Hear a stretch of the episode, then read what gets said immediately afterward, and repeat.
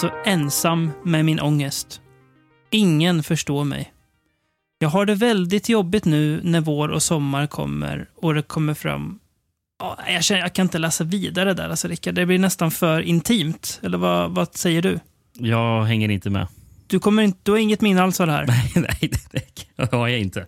Det är, nu outar jag dig lite här för våra lyssnare, men jag hittade ju faktiskt eh, användaren Rickard Blix där på fam forumet familjeliv.se i en tråd om insektsfobi. Där du då, eh, ja, väldigt naket delar med dig av din rädsla. Jag tycker det är modigt. Det är Ja. inget man ska skämmas för. Nej, absolut inte.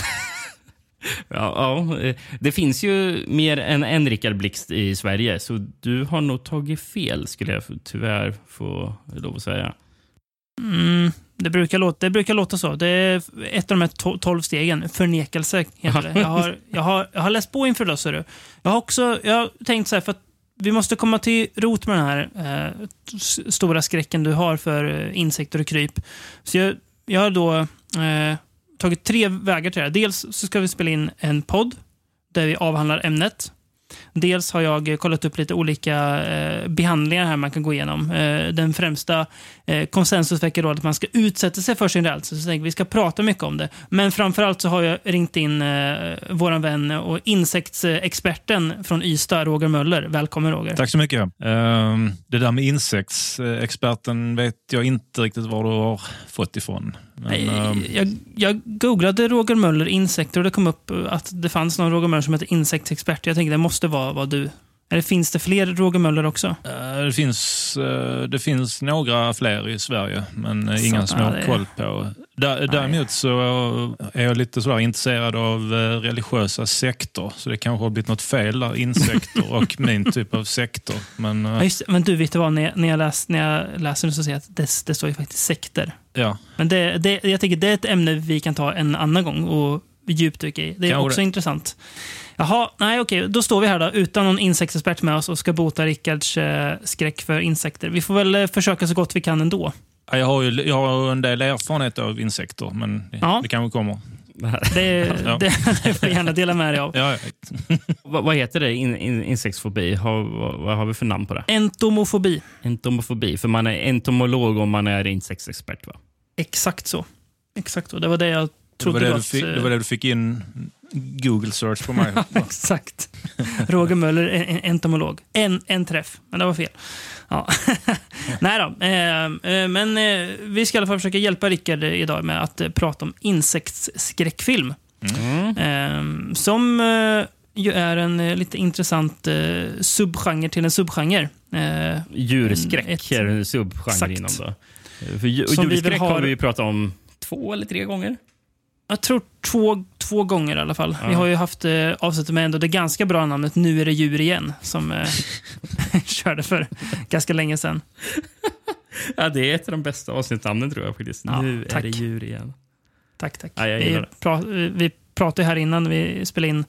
Du frågade Roger vem det är som har komponerat ledmotivet. Och då var jag snabb med att ge Rickard full cred, för det ska han ha. Men eh, då, då kan jag passa på att ta full, full cred för våra bästa avsnittsnamn i alla fall. Ja, Då kan vi liksom de, ha. dela, på, dela på briljansen bakom den här podden, Rickard. Ja. Du är eh, det musikaliska geniet och jag är eh, mannen, mannen med orden. Eh, Helt enkelt. Ett av mina favorittitlar var när ni hade Italiana Jones. Och, Den är bra. mm, Den är väldigt bra. Även 90 Italiano är ju väldigt Ja. eh, fin tycker jag. Ja, men eh, nog om eh, förkovra sig i gamla eh, avsnittsnamn. Eh, Ja, det låter lite för självhälgande också. Så nu Ja, det gör det. det, gör det. Nu, måste, nu, får vi bli, nu tar vi fram självhatet här istället och sågar oss själva. Ja. Eh, insektsskräck har det kom, tagit oss alltså 213 avsnitt att komma fram till. Jag tror vi har pratat om filmen Slugs någon gång innan, va, Rickard? För länge, länge sedan. Eh, Ja, det är jag rätt säker på. Men det var rätt så tidigt i poddens Ja, begynnelse. Kanske till och med i det första djurskräcksavsnittet vi gjorde. Jag kan tror det det innan där, eh, faktiskt. Ja, det kan det är vara. inte Jean säker. Pierre Simons snigel-epos. Um, så det. den ska vi inte prata om idag, men uh, ska avhandla diverse andra kryp. Um, ska vi bara kasta oss rätt in i första filmen eller har vi Det, något, det är eh, sex stycken helt olika kryp också. Det är ingen som återkommer i någon film. Nej, just det. Det är lyckas ändå sprida bra. ut krypen. Mm, det är bra prickat. Ska vi kastar oss direkt in i första filmen som lika väl hade kunnat heta Kryp när den kom i Sverige, men som lyckligtvis har en mycket bättre svensk titel. Mm. Eh, den heter kort och gott Bug och är från 1975. It was a day like any other. The air hung heavy with the heat. Then it happened. A crack in the land that reached to the very bowels of the earth itself, spitting out the fires of hell, and the gleaming black bug that had no eyes and looked like a rock. Wherever you turned, the bug was waiting, ready to grasp you in its soul-chilling grip of terror. One man was determined to learn its secrets. The Parmiterras will eat only raw meat. It was a creature from hell, and nothing could stop it. A terror so real, it will make your skin crawl, your heart pound, and your soul scream for release. From the bug. Rated PG. Alltså, har inget att göra förutom namnet då med William Friedkins Bug, som vi också pratar om i den här podden. Eh, men det här är en annan bug. Det här är eh, Janot Schwartz, hur man nu uttalar hans namn. Ja, Han Eh, är en fransosare. Eh, Ja. Som Janot Schwartz kanske då. Något. schwarz eller tyskt. Eh, Tyskt, ja. Du ser, jag får inte till franskan. Nej, Det nej, som när, det som när du försöker, försöker börja danska, det blir bara fel. ja, precis. Ja, Men, ja, nej men... ja, Chanot Schwarz. Nej, det går inte. jag ser, det går inte. Han är även skyldig för att regissera Hajen 2. En film med Roger ändå försvarar. Väl? Ja, eh, jag tycker faktiskt det är en helt okej uppföljare. N- när du börjar med, jag tycker faktiskt, tror jag, säger, jag tycker faktiskt den är bättre än Hajen. nej, det nej. Det, nej, det är ju... eh, Det går inte riktigt. Nej, det gör inte. Men, eh, nej, men alltså, det, jag gillar ju Hajen 2 bättre än eh, de som kom trean och fyran. Det är samma där, ni brukar prata varmt om fyran, men jag vet inte om ni är ironiska eller inte. Varmt och varmt. Jag brukar säga att den, den, är, den, den är lite småkul. Är liksom in, in, Stora alltså, ord. Ja, inte mer det. Vad, vad, vad tycker du om Hajen 5 då, Roger? Den har, jag- den har jag faktiskt inte sett. Nej. Eh, det, vad är, det, är det den som heter Cruel Jaws? Ja, exakt. Eh, och den är, vilket år är- den från? 95 tror jag. 95. Och Mm. regissören är... Bruno Mattei. Så var det, ja. Nej, jag har, faktiskt, har den någon, Nej. eh, har den någon sån här krystad koppling till de andra fyra? Nej, nej, nej, nej, nej, nej, absolut inte. Jag, jag, jag, jag, gillar att du presenterar Hajen 5 som en officiell uppföljare, David. Jag brukar alltid nämna... så jag, på, på min Blu-ray-utgåva av, den så står det ju Jaws 5, så jag brukar alltid säga att, att, att det finns en Hajen 5. Det är roligare så. Har den inte samma den här hajen-målningen eller maskoten på omslaget? Ja. den absolut. Den som är med på alla. Det har den absolut. Ja. Den gjorde ju att eh, Severin eh, fick ju dra tillbaka den och eh, sen får de aldrig, mer, aldrig släppa en film av eh, Universal för de hotade med dem med rätt saftig stämning. Okej. Så filmen försvann bara plötsligt från deras eh, hemsida. Mm. Poff! Det är kul. Men eh, ja, tillbaka till Bug då. Vad har du på denna film, Rickard, från 75 för titlar? Ja, eh, kan ju börja med Working Title. Eh, Som är taget från den bok eh, som den är, filmen är baserad på. Mm. Eh, för Working Title, som är otroligt bra för övrigt. Mm. Eh, Mm. det är Fastus Plague. Väldigt, väldigt bra namn på en, eh, en bok eller en film, om det hade hetat så. Eh, man hör ju på den tiden att det är, att det är en boktitel. Ja, Från Ja, man- 70-talet. för det- är så för det- otroligt Japp. mycket bok. Det, det, alltså, det är som alla de här fantastiska såna här paranoia-filmtitlarna nästan. Mm. Fast de titlarna brukade faktiskt överföras till filmerna också. Mm. Eller, ja, det, eller det, låter, det låter som att det skulle kunna vara en eh, att... eh, paranoia-thriller. Faktiskt. Ehm, men det här Festus Plague av, eh, vad hette han, Thomas Page. Mm. Eh, Hephaestus är väl eh, smedernas ju gud i eh, Mm. grekisk mytologi. Fast är väl Precis. också eldgud, vilket in, Ja. spelar in på filmen. Eh, Och det återkommer i många av titlarna sen. som vi ska se. För Mm. Argent- Argentina så har vi infernalisk inva- invasion. Mhm. Ehm, Belgien har vi brandinsekterna. Mm. Eh, Norge, eh, skalbaggarna. Mm. Eftersom vi är inne på Norge där så kan vi röra oss ner till Danmark. Ska Roger få dra den? Och här har jag inte behövt vända mig till Edgar Allan Poe-sällskapet. eh, Den fanns Tyvärr. på IMDB. Eh, Men nu ska vi se om jag kan plocka den hyfsat. Uh, Rädslan från jordens dyb. Ungefär som eh, faran från jordens inre... Ja. Väldigt bra titel också. Ja, den, den gillar jag. Du jag gillar den mycket eh, mer än den, svensk, eller, än den finska som är skalbaggarna. Eh, är en dålig eller titel. Så nors, inte- norska var, var ju det också. Ja. Ja, fast eh, på norska blir det Billene.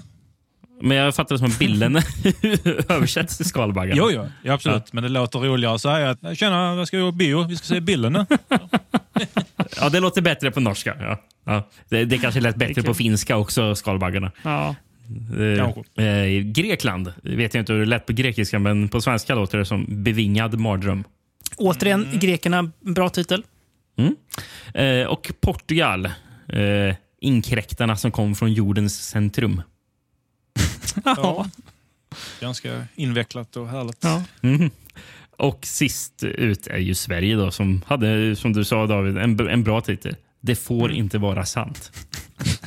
Jag tycker det är en fantastisk Ja. titel. Ja, jag, jag gillar den. Jag hittade den faktiskt, eh, jag skrev med dig häromdagen Roger, till salu på... Eh, går ju att köpa en eh, originalaffisch för eh, ändå endast eh, 350 kronor. På Det får inte vara sant. Eh, det känns, jag ryckte lite i eh, affischnerven, men eh, ja, Det blir jag får ingen. hålla mig lite. Nej, jag, inte än. Men den, eh, den finns kvar i lager, så vi får se. Den kommer. Eh, eh, jag har hittat en bra tagline på den också. Mm. They look like rocks, possess a high intelligence, have no eyes and eat ashes. They travel in your car exhaust. They make fire. They kill. Mm. Mm. Det är bra. Har du sett, eh, har, kommer du ta upp något om den svenska bioaffischen eller får jag dra lite från den? Du kan Jag få göra det. Jag, jag hade, jag hade Mm. tagit ner den, men du, du får Mm. dra den. För så kör jag VHS sen som är amerikansk. Det var den enda som jag Yes. fick gå till Det en amerikansk på. Jag sitter bara och Eh, njuter. Det är härligt. Eh, svenska tävlingen är då filmen du kommer att se med slutna ögon. Känns som en som har använts mång, om många filmer. Svår, svårt att se en film med slutögon. Ja, det är också svårt. Men sen är det då en liten varningsruta här på bioaffischen. En allvarlig varning. Många människor har en okontrollerbar rädsla för det okända. Tillhör ni dem? Tro oss när vi säger detta är ingen film för er. Ja, ja. Ja, härligt. Ja, ska jag dra VHSen från Paramount Gärna. Home Video då? Gärna, gärna. A massive earth tremor opens a deep crevasse in the California desert, releasing a bizarre and deadly breed of foot-long cockroaches, which, which threaten to destroy the city of Riverside before spreading across the country. Entomologist Bradford Dillman tried to find a way to deal with these virtually indestructible creatures. The roaches also seem to have a high intelligence, which makes Dillman's task nearly hopeless. This is a creepy crawler right of the worst nightmare. Creepy crawler. Creepy crawler. Ja. Jag gillar att de, att de skriver att det är Bradford Dillman som får... Eh, ja, eh, som är eh, eh, huvudkaraktären. Mm. Eh, För de skriver bara att det är Bradford Dillman som får göra det här. Mm. Bradford Dillman är ju skådespelarens namn. Exakt. Vilket, är- och, och de nämner inte någonting på baksidan att det är skådespelarens namn. Nej, Det var mär märkligt formulerat. Har, har du någonting på Bradford Dillman? Fint efternamn. Ja. Ja, ja Dillman, ja det är härligt. Ja, han är med Nej. i Piranha. Det är Han, det. han är rent av huvudrollen i Piranha. Ja, till och med. Mm. Mm. Och sen den här um, The Swarm. Just det. Eh, Katastrofplats Houston heter det. Mm. Som också är väl, den har med bio att göra. Jag har inte sett Ja, den. exakt. Men, eh, ja. Det har den. Ganska Jag, cool jag kommer återkomma till The Swarm senare i avsnittet.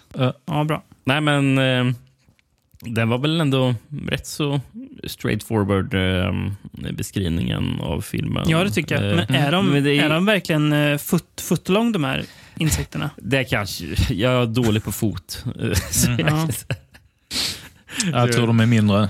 Ja, för en fot är typ 30 centimeter ish. Så, Ja. så, så stora känns inte som att de Ja, är. men ibland så är den fan stora ändå. Den på omslaget är väl ändå en rejäl blaffa. Mm. Ja, är, jo. eh, det kan vi komma fram komma till lite senare. Det är en hel del vilseledande affischer på de här filmerna. Ja. S- Så, som det ska vara. Ja. Precis. Ja, Men de, de är ju rätt så häftiga de här insekterna. De Mm. alltså, börjar ju brinna, men det är ju nästan som att de exploderar. Eller, Mm. eller effekten av, som de ger ibland, det är nästan som att eh, de är typ elektriska, vilket skapar att det börjar ryka. Mm. Ja, Eh, jag, lä, jag läste att de, ehm, eh, vad heter det? De, de filar sina ben, alltså precis som när man gör upp en eld med två pinnar. Ah, det är därför det börjar Och ryka det- sådär. Ja, precis. Okej. Eh, Men sen var det någonting, eh, där jag läste, läste någon sån här fakta, att det är egentligen elektricitet som de sysslar med. Men jag, jag vet inte fan. Ja, Det, låter, det, låter, det låter vettigt om man nu kan Men använda coolt är det i alla fall. Mm. Nej, men, De, nej, men, för, eh, nej, men för jag tänker särskilt på, det är ju en scen där en katt får en, en sån där kryp Mm. på sig. Och helt Mm. för man ser inte att den liksom börjar brinna direkt, utan det är mer att den börjar ryka. Mm. Och det var det jag tänkte, som att det, det, det är som att den är elektrisk som har hamnat i pälsen, vilket gör att den Mm. eh, börjar... Det ser ganska, ganska plågsamt ut. Ja, den har ju rätt så många grova scener den här filmen. Mm. Eh, i bör- den börjar tidigt med att eh, jä- jävligt häftig, eh, brutal och alltså, eh, det känns som en svår scen att göra. Det är när det är en Mm. kyrka rasar samman. Mm. Ja, jordbävningen där. Ja, precis. Eh, Den är riktigt snyggt, snyggt gjord, den scenen. Mm. Det Hela det här Precis. sättet liksom. Speciellt där när golvet blir som en våg. Uh, det Ja. jag är skitsnyggt. Mm. Jag var så- riktigt imponerad. Och sen så kort Ja. efter så är det några som åker i en bil som fattar eld. Också så här väldigt brutalt. Ja. Där hon egentligen skulle åka med, hon som var frun till uh, Dillman. Ja. För då, ja, det, detta är... eh, Ja, jag får läsa min anteckning. Men jag har skrivit där, för den hon ska åka med där i bilen, ju, den äldre mannen, så har jag skrivit så att det är lite småkåt stämning mellan dem i, just där i kyrkbänken. jag har en poäng i det faktiskt. Ja, det är- har du säkert. Jag säger inte emot. Men jag, jag, jag tycker faktiskt att, eh, alltså, om jag ändå är inne på effekterna, jag tycker att insekterna i den här filmen, eh, alltså skalbaggarna, är eh, alltså, väldigt häftigt gjorda. Jag vet inte riktigt, det måste väl vara skalbaggar man har filmat va? och sen på något vis fått Mm. att göra de här grejerna. För det, det finns väl inga, nu låter jag som en anti entomolog här, men det finns väl ändå inga skalbaggar som eh, på riktigt kan skapa eld. Va? Så hur gjorde man det? Bra fråga. Ja, nej, men det, Eh, Nej, jag, jag har inte hittat någonting om hur de gjorde effekterna Nej. faktiskt. Eh, Väldigt häftiga effekter. Och det blir ju... Har man liksom den minsta insektsfobi, eh, eller tycker att skalbaggar kan vara lite äckliga att titta på, så blir det ju väldigt eh, effektivt. att ja men Det här ser man ju, det är ju riktiga skalbaggar som, Mm. som kryper på människor. Och det är, ja, på tal om nasty scener, den där scenen när en skalbagge kryper in i örat på, på en av våra stackars Mm. karaktärer. Det, är, ja, det ser inte härligt ut, eh, kan man verkligen inte säga. Så det tycker jag är väldigt eh, häftiga in insektseffekter. Mm. De blir ganska men, äckliga. Eh, inte att det är liksom go- något gore-spektakel, utan mer bara hur de kryper överallt. Mm. Men har, filmen har också bitvis sån väldigt eh, intressant, märkligt eh, soundtrack.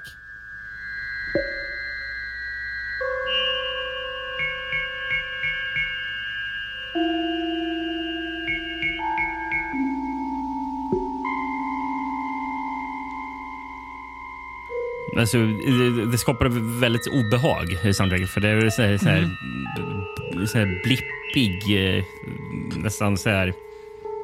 Alltså det låter som att det är en dator som talar. Eller någonting. Mm. Alltså det har det är så här blipp, plopp liksom.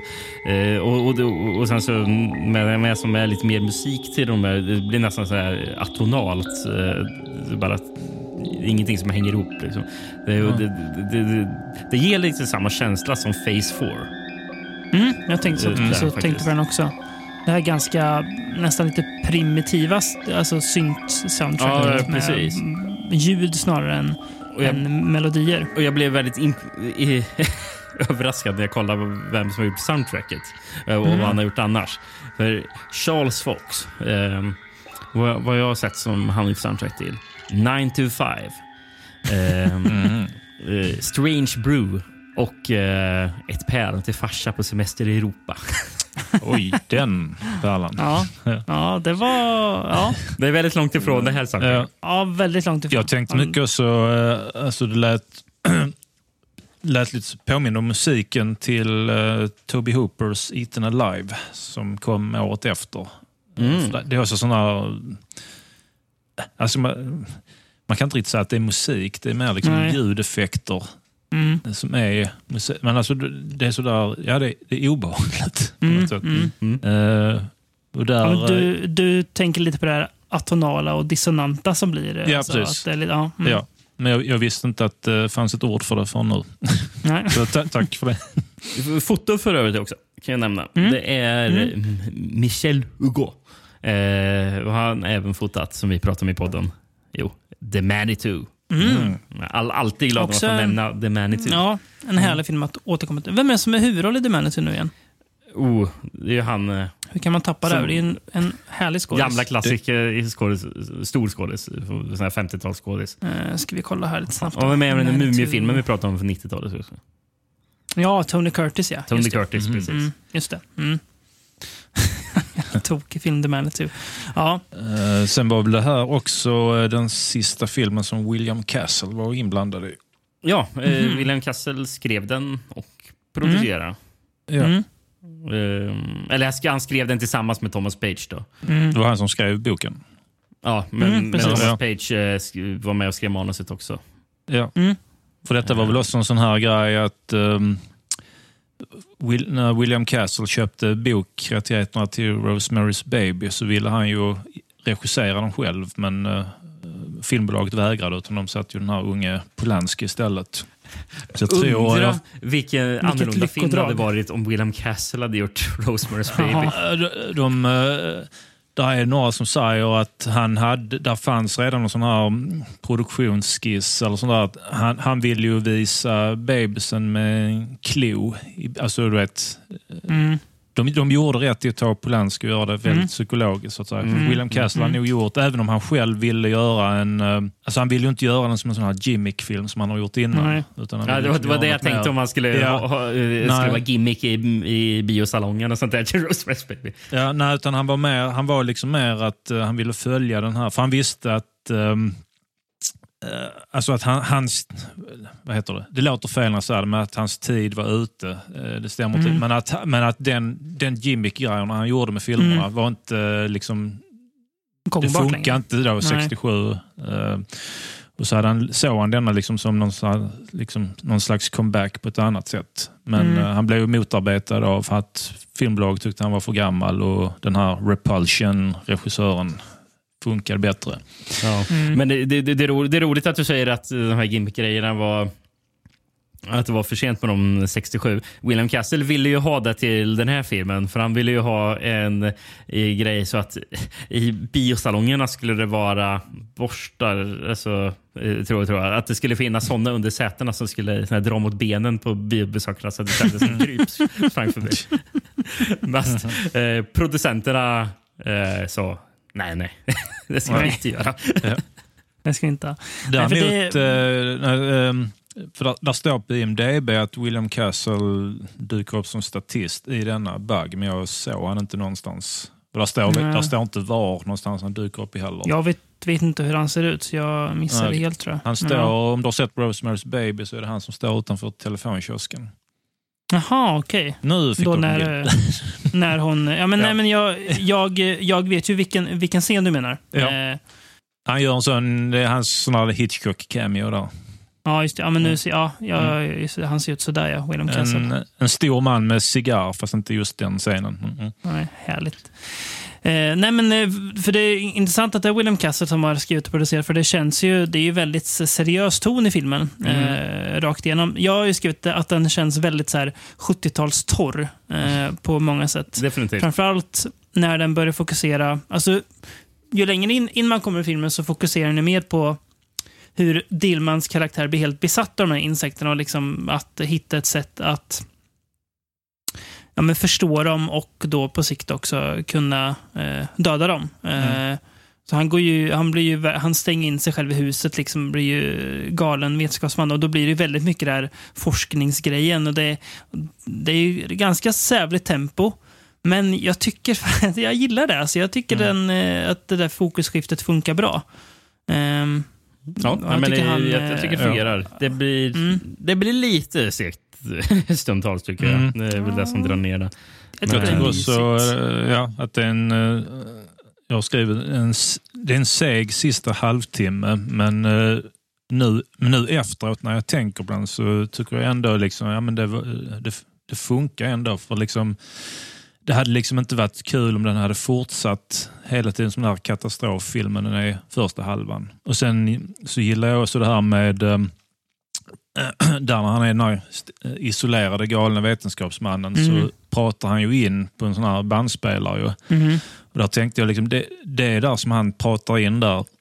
Det är sånt som sen ungdomarna i Evil Dead hittar på rullbandspelare. efter. Men du vet, eh, det, är verk, det är verkligen det där han snackar in. Ja, nu är det där. Du vet, Ja. fan, jag är galen.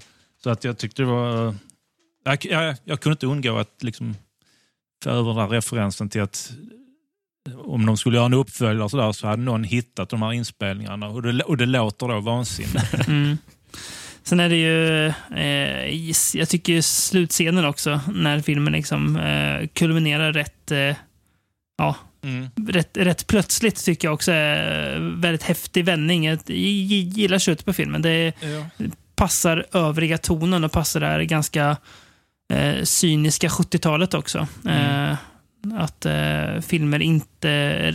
Alltså filmer fick eh, mer än gärna ha, nu spoilar vi kanske lite eventuellt då, men Mm. eh, olyck, olyckliga slut. Mm. Att, att det inte behöver sluta med att eh, hjälten, eh, eller de goda, vinner, utan att det kan gå åt andra hållet också. Nej.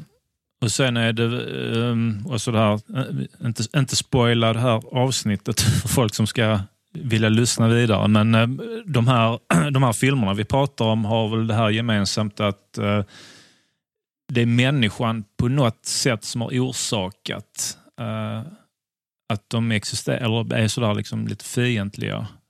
Är det det i den här också? Ja, alltså, jo, för det, ja, det, eller inte i bör, det börjar ju med en jordbävning och då kommer Mm. de här krypen eh, upp.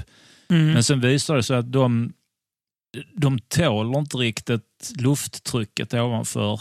Eh, Nej. Men han blir ju helt besatt av dem så han tar ju med dem i den här Mm. dykarhjälmen eller vad fan det var. Mm. Han fick en kollega. Och där parar han ju dem med, om det är vanliga kackerlackor eller någonting sånt där.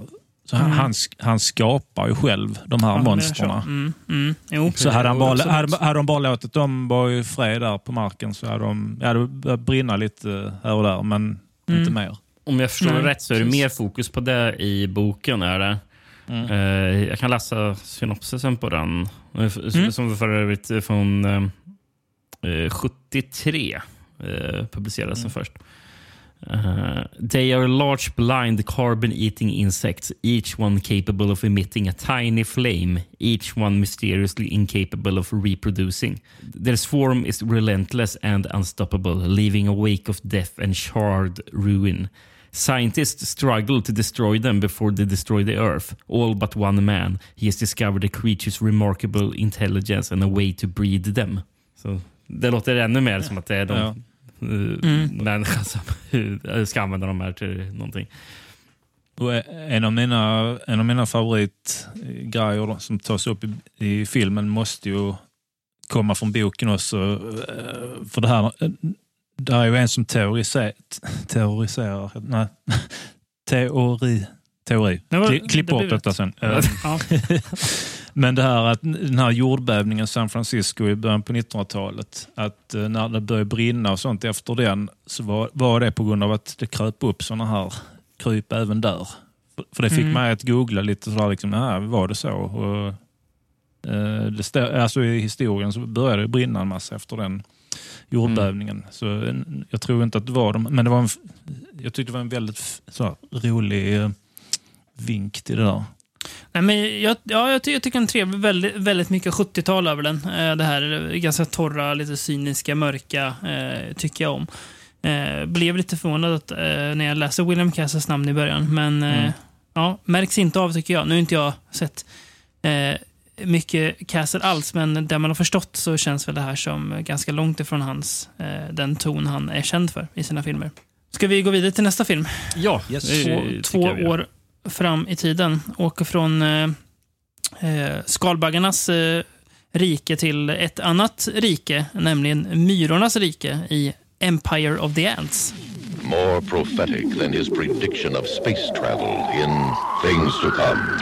More imaginative than his laser beams in War of the Worlds. More frightening than his warning of nuclear holocaust in The Time Machine. From H.G. Wells, history's most incredible prophet, now comes his most incredible story. Empire of the Ants. The terrifying tale of civilization fighting for survival against armies of giant ants, 10 feet tall, who control the human population by drugging them into submission. And man, the master, becomes man, the slave. Joan Collins, Robert Lansing, H.G. Wells, Empire of the Ants, from American International Pictures. Rated PG, parental guidance suggested. Empire of the Ants. They shall inherit the earth sooner than you think.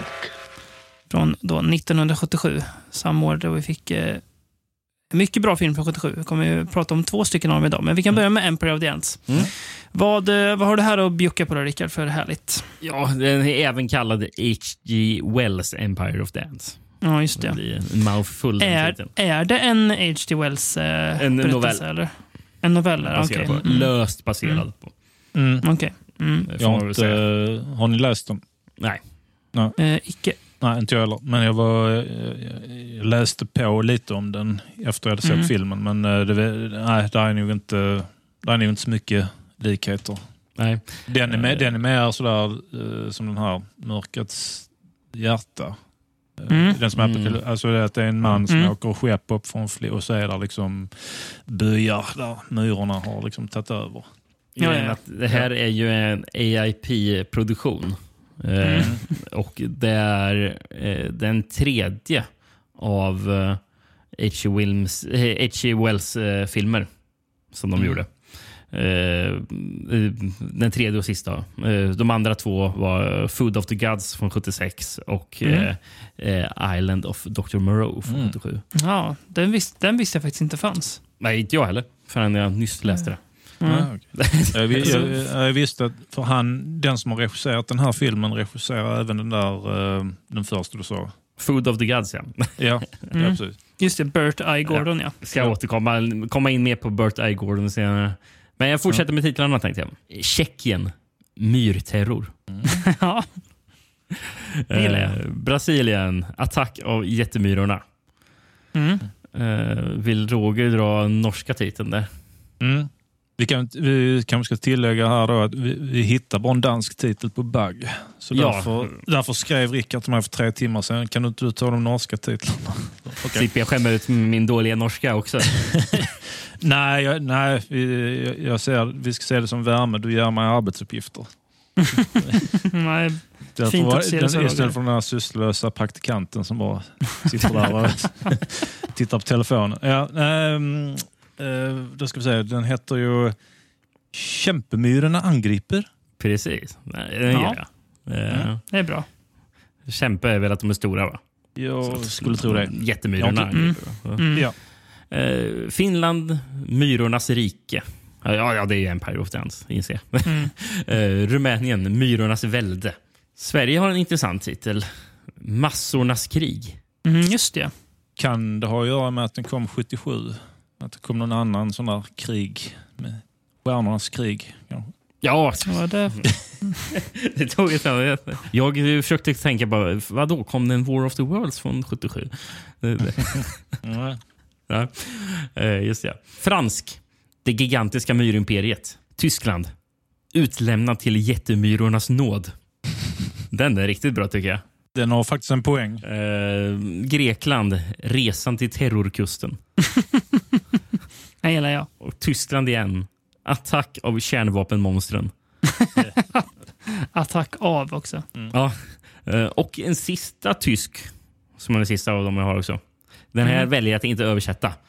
För den gör sig bäst i originaltiteln. Killer-termiten. Väldigt härlig titel. Ja. Sökte runt lite bara på... Eh, eh, här med, apropå att vara ba, ba, baserat på böcker, försökte jag hitta om det fanns någon eh, novelization av den här. Det finns ju sjukt nog en bok som Ja, heter Empire? Empire of the Ants. Men eh, det är inte alls en no- novelization av det här. Utan det, det är någon, bara, någon bok från 1991. Någon fransk bok, tror jag. Så det finns ändå en bok som heter Empire of the Ants, men som inte alls är, har något med den här att göra. Det känns som en ganska smal titel att ha annars på en, en bok. Men eh, ja, Mm. det ser man. Mm. Ska jag dra en VHS då? Mm. Det, och det har jag på just Massornas krig, den svenska. Härligt. Mm. Är det original eh, artworken då, eller? Ja, det är det.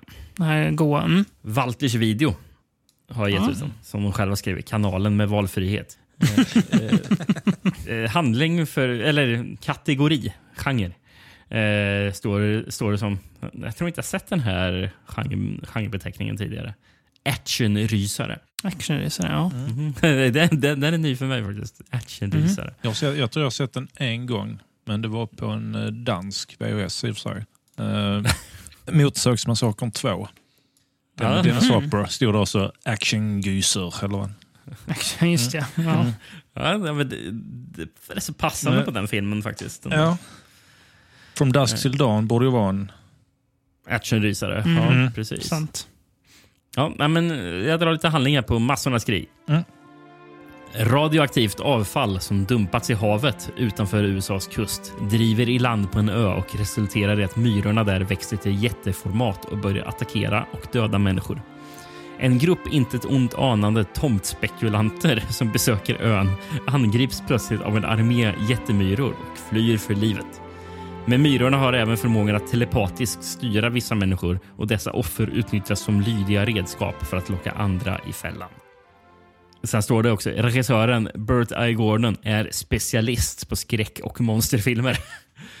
Vilket han är. Ja, det får man ändå säga. För nämnde ju tidigare eh, Food of the Gods. Mm. Eh, och han hade väl lite spe- specialinriktning att han regisserar många eh, filmer med stora monster. Mm. Eh, han, så pass att han blev kallad av nu vet jag inte vem Forrest J. Ackerman är, men Forrest J. Jag tror han hade den här eh, tidningen Famous Monsters of Filmland. Ja. Ah, okej. En sån här uh, pionjär. Alltså, Mm. Många skräckfilm, Spielberg, alla, alltså alla har... Mm. Han är, han är lite Roger Corman bland filmtidskrifter. Alltså, Ja. många, många har upptäckt sant. den tidningen och honom. utan, utan den, ingen Fangoria säkert heller. Nej, som nej, blev liksom nästa stora. Mm. Ja. Ja, okej. Vad har han sagt då, Rickard? Nej, men Burt han, han, han, han, hade ett smeknamn på Burt I. Gordon. Mm. Som var Mr B.I.G. För det är ju, dels är det ju hans initialer, Burt I. Mm. Gordon, och för att det var Big. Han gjorde allting stort. Eh, jag har ju exempel på andra filmer, förutom Food of the Gods, som då handlar om Mm. grejer, djur som Mm. blir stora. Så har han även regisserat ehm, King Dinosaur, eh, The Amazing Colossal Man, Earth vs. The Spider och Village of the Giants. Han har säkert Mm. gjort något mer, men det var Mm. vad jag hittade där på, på titlarna i alla fall. Vi, vi kan väl kalla honom för Notorious B.I.G. här inne, eller hur? Ja, ja, okej, ja. Det, det kan vi göra. Men någonting som också är eh, häftigt med, med, med eh, I. Gordon, eh, som också passande med hans då, smeknamn Mr B.I.G. För hans ålder blev även Big. Han, han avled i år, eh, 8 mars, Mm. eh, till en ålder på 100 år. Det är väldigt bra. Du sa det för mig också. Jag, hade jag, jag höll på att säga det där, men så lät Du jag dig säga du ditt först. Men så tog Ja. du det istället. You stole his thunder, Rickard. Hade jag, hade jag, jag satt och sa med en annan grej som är Big. Och, Ja. Nej. Ja, väldigt bra. Ja, 100 år. Im- imponerande ålder för en sån man. Mm. Ehm, mm. Men eh, skådisar då, i den här filmen. Eh, mest kända är väl ändå John Collins, va? Ja. Det är så här, eh, ett namn och ett ansikte man känner igen. Eh, men jag kan inte riktigt säga var jag känner igen henne ifrån. Var känner man igen henne ifrån? Jag, jag, jag skrev Tales from the Crypt, men det är ju inte riktigt hennes eh, Nej. största eh, Nej. titel. Men Det är hon som är med i den tomtesketchen, höll jag på att säga. Nej, men Men just det, ja. ja tomtebiten, ja. Tomtesegmentet. Mm, mm. Ja, nej, det är svårt. Jag blandar, först tänker jag hon i eh, What Happened to Baby Jane, men det är ju Mm. Joan Crawford. hon. Mm, Mm. precis. Eh, Joan Det- Collins är ju syster till hon tantsnusk-författaren Ja, heter hon Susanne då? Collins. Jackie Collins. Jackie Collins, just det. Ja. Ja. just det. Jaha, de är syskon alltså. Japp. Jackie hade ändå nog den mer profitabla karriären av de här två, va? får man väl Mm. gissa på. Ja. Ja, Jackie Collins har man ju sett i, i många äldre kvinnlig släktings bokhylla. Mm. Och även när man besöker något antikvariat så Ja, är det en... eh, Det är ju Sti- Stephen King och Jackie Collins böcker. Också typiskt författare som finns på Daniel, restaurang. Daniel Steele är också Daniel Steele också, ja. Mm. Typiskt författare som finns på restauranger som vill ställa ut lite, lite böcker som en cool inredningsdetalj. Det finns Mm. alltid, alltid en, minst en Daniel Steele, Stephen King och då eh, eh, Jackie Collins bok. Och så är det alltid hardcover med skyddsomslag Japp. som är slitet som satan. Jajamän, jajamän. Troligen läst mer än en gång. Ja.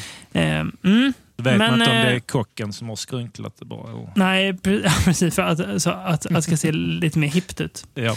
Eh, på tal om eh, eh, Burt I. Gordon, då, på tal om hippt tänkte jag säga, det var han väl kanske inte, men eh, han eh, även gjort effekterna till den här filmen. Var det Ja. något han brukade göra också? Ja. Eller? Precis, Mm. det var hans eh, vanliga grej att vara med på det. Då kan man ju kanske fatta lite också varför, han, varför det blev mycket sån här film man gjorde, om man också hade koll på hur man gjorde effekter.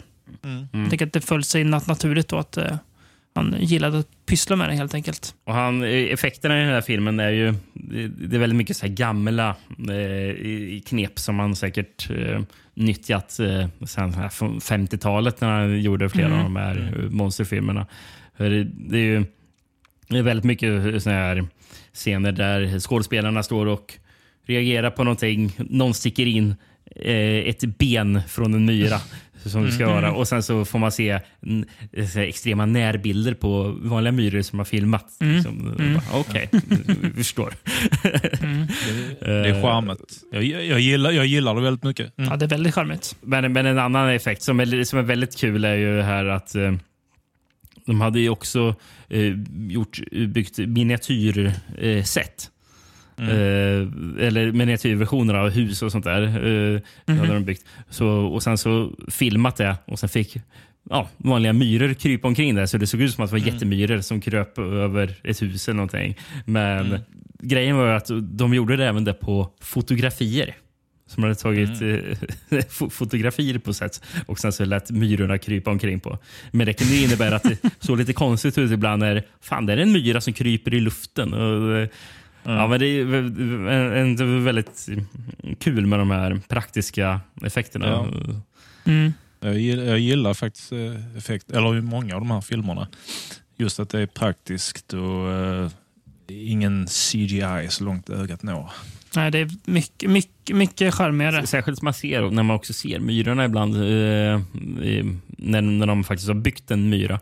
Eh, filmen, trots att den är från 77, så känns det väldigt mycket som att det här är en film som skulle kunna vara från 50-talet. Liksom, den Mm. tiden när man gjorde eh, stora myrfilmer och ja, stora, Ja. stora, stora monsterfilmer liksom, Mm. på det här sättet. Man kanske skulle testa se den man slår om tvn till svartvitt.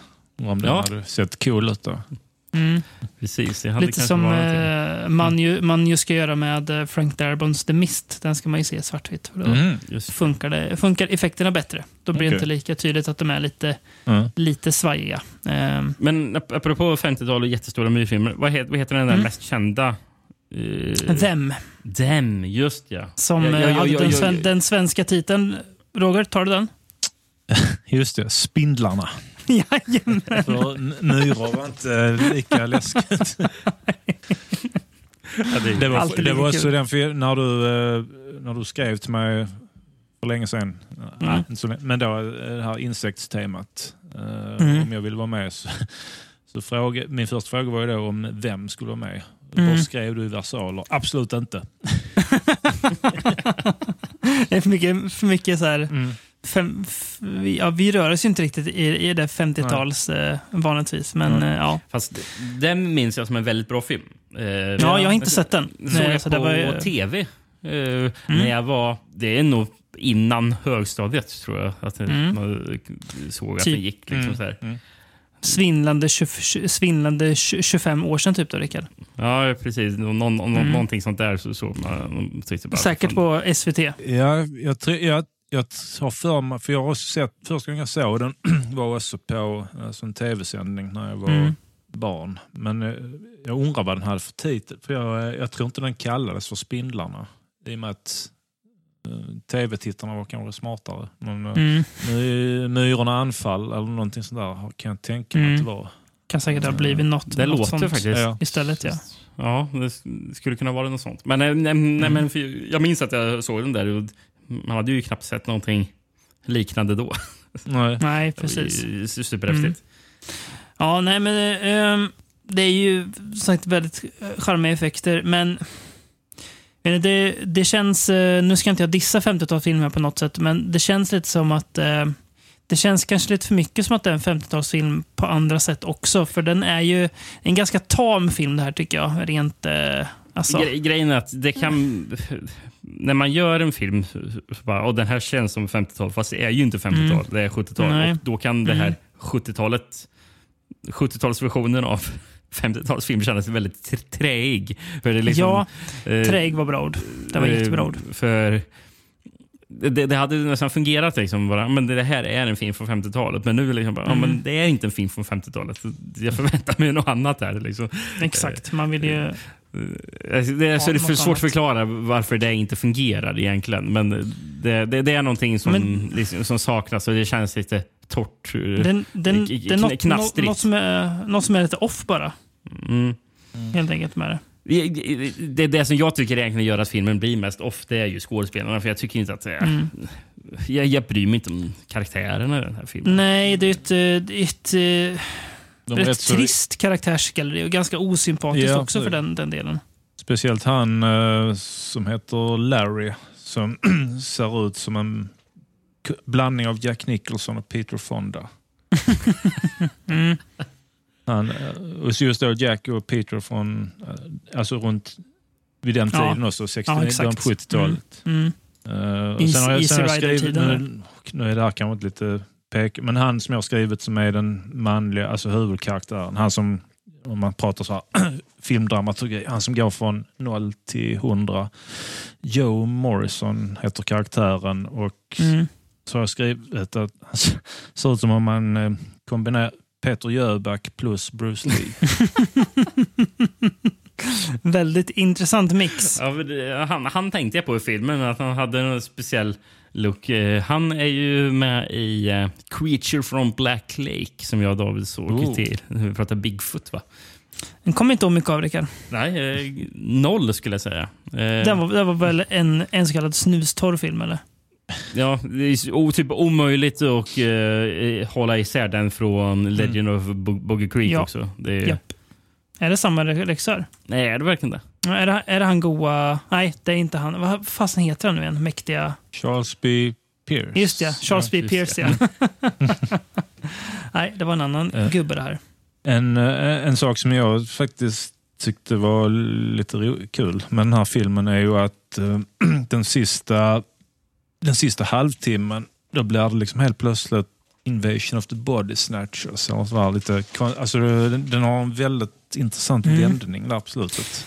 När de hittar civilisationen. Precis. Den delen tycker jag är bäst i filmen. Mm. Eh, eller en, en stund av det, den delen tycker jag är bäst i filmen. Mm. Eh, eh, tycker slutet blir lite att den faller tillbaka igen till att vara det här eh, 50-tals eh, grejen. Men det är en stund där de är i den här staden. Mm. Eh, behöver inte berätta allt för mycket vad som händer, men eh, en ganska bra eh, liten twist Mm. som jag tycker eh, höjer filmen lite där ett, en, en stund. Mm. Eh, men eh, ja, nej, men det, alltså, det är väl, det är liksom små, liksom, den liksom put, det är en små putter i film. Den puttrar liksom på. Den är aldrig dålig, men heller aldrig bra. Den, den, den funkar liksom. Lite, char, lite små charmig, men inget jag tror att jag kommer se om. Nej, eh, jag instämmer. Det, det, kul, kul grej bara. Jag läste om den. Eh, Eftersom de filmade ju i, i, här i i sån här träskmark. Eh, var de nere i Florida, tror jag, och filmade.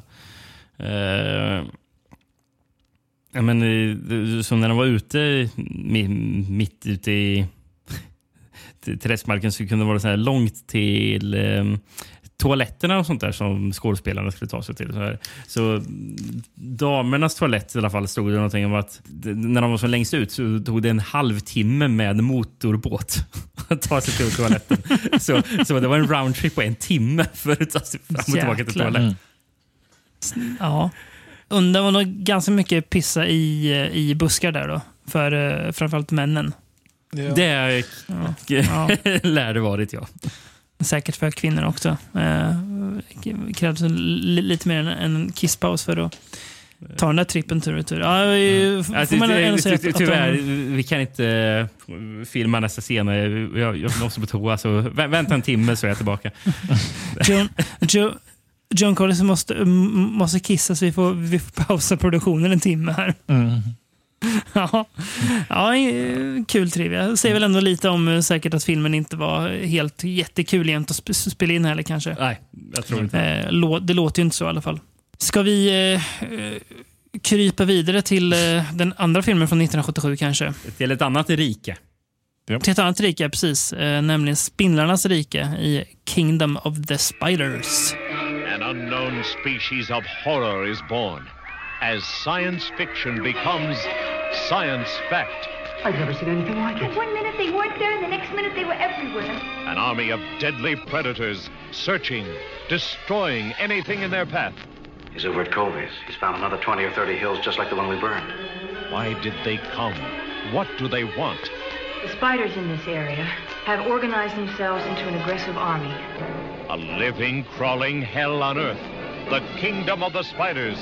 A wild science fiction nightmare. Starring William Shatner, Tiffany Bowling, Woody Strode, and introducing Altarese Davis. Your nightmares will never be the same. Kingdom of the Spiders. The next victim could be you. Rated PG, parental guidance suggested. Argentina, invasionen av spindlarna. Knäpptyst från er. Det är ingen som gillar Ja, den. men det, Eh, nej, men den, den liksom, som, som, som jag brukar säga ibland, den, den är. Ti- Titeln finns. Nej, Det, det, det, det, det, det jag tittade på var två helt tomma ansikten. Ja, men- Kan, där kan Ja. vi lägga in en sån vet du, gräshopp-effekt. Ja. Precis. Bara står och... Står och eh, Brasilien, spindlarnas förbannelse. Ja, ja. Eh, Finland, angrepp av spindlar. Mm, ja, det är inga dunder. tycker nej. Tyskland, mördarspindlar. Eh, Grekland, medicinska spindlar. Det, det, det känns ju som att jag jobbar i uppförsbacke här. Eh, eh, Men Spanien körde, körde i alla fall ta- tar, Tarantula. Eller Tarantula. Ja, men det... Ja, men den... Jag måste Nej. nu, nu tycker du att den är bra, Rickard, för att alla andra titlar har varit så himla med- mediokra. Jag tänker, ja men Tarantula var ändå mysig. Ja, fast då är ändå Portugal bättre med ett, ett, Tarantulas kungarike. Ja, Inte, en, inte ens varken danskarna eller norrmännen har orkat hitta en titel heller. nej. Nej, Eh, nej. Turkiet körde panik. Ja.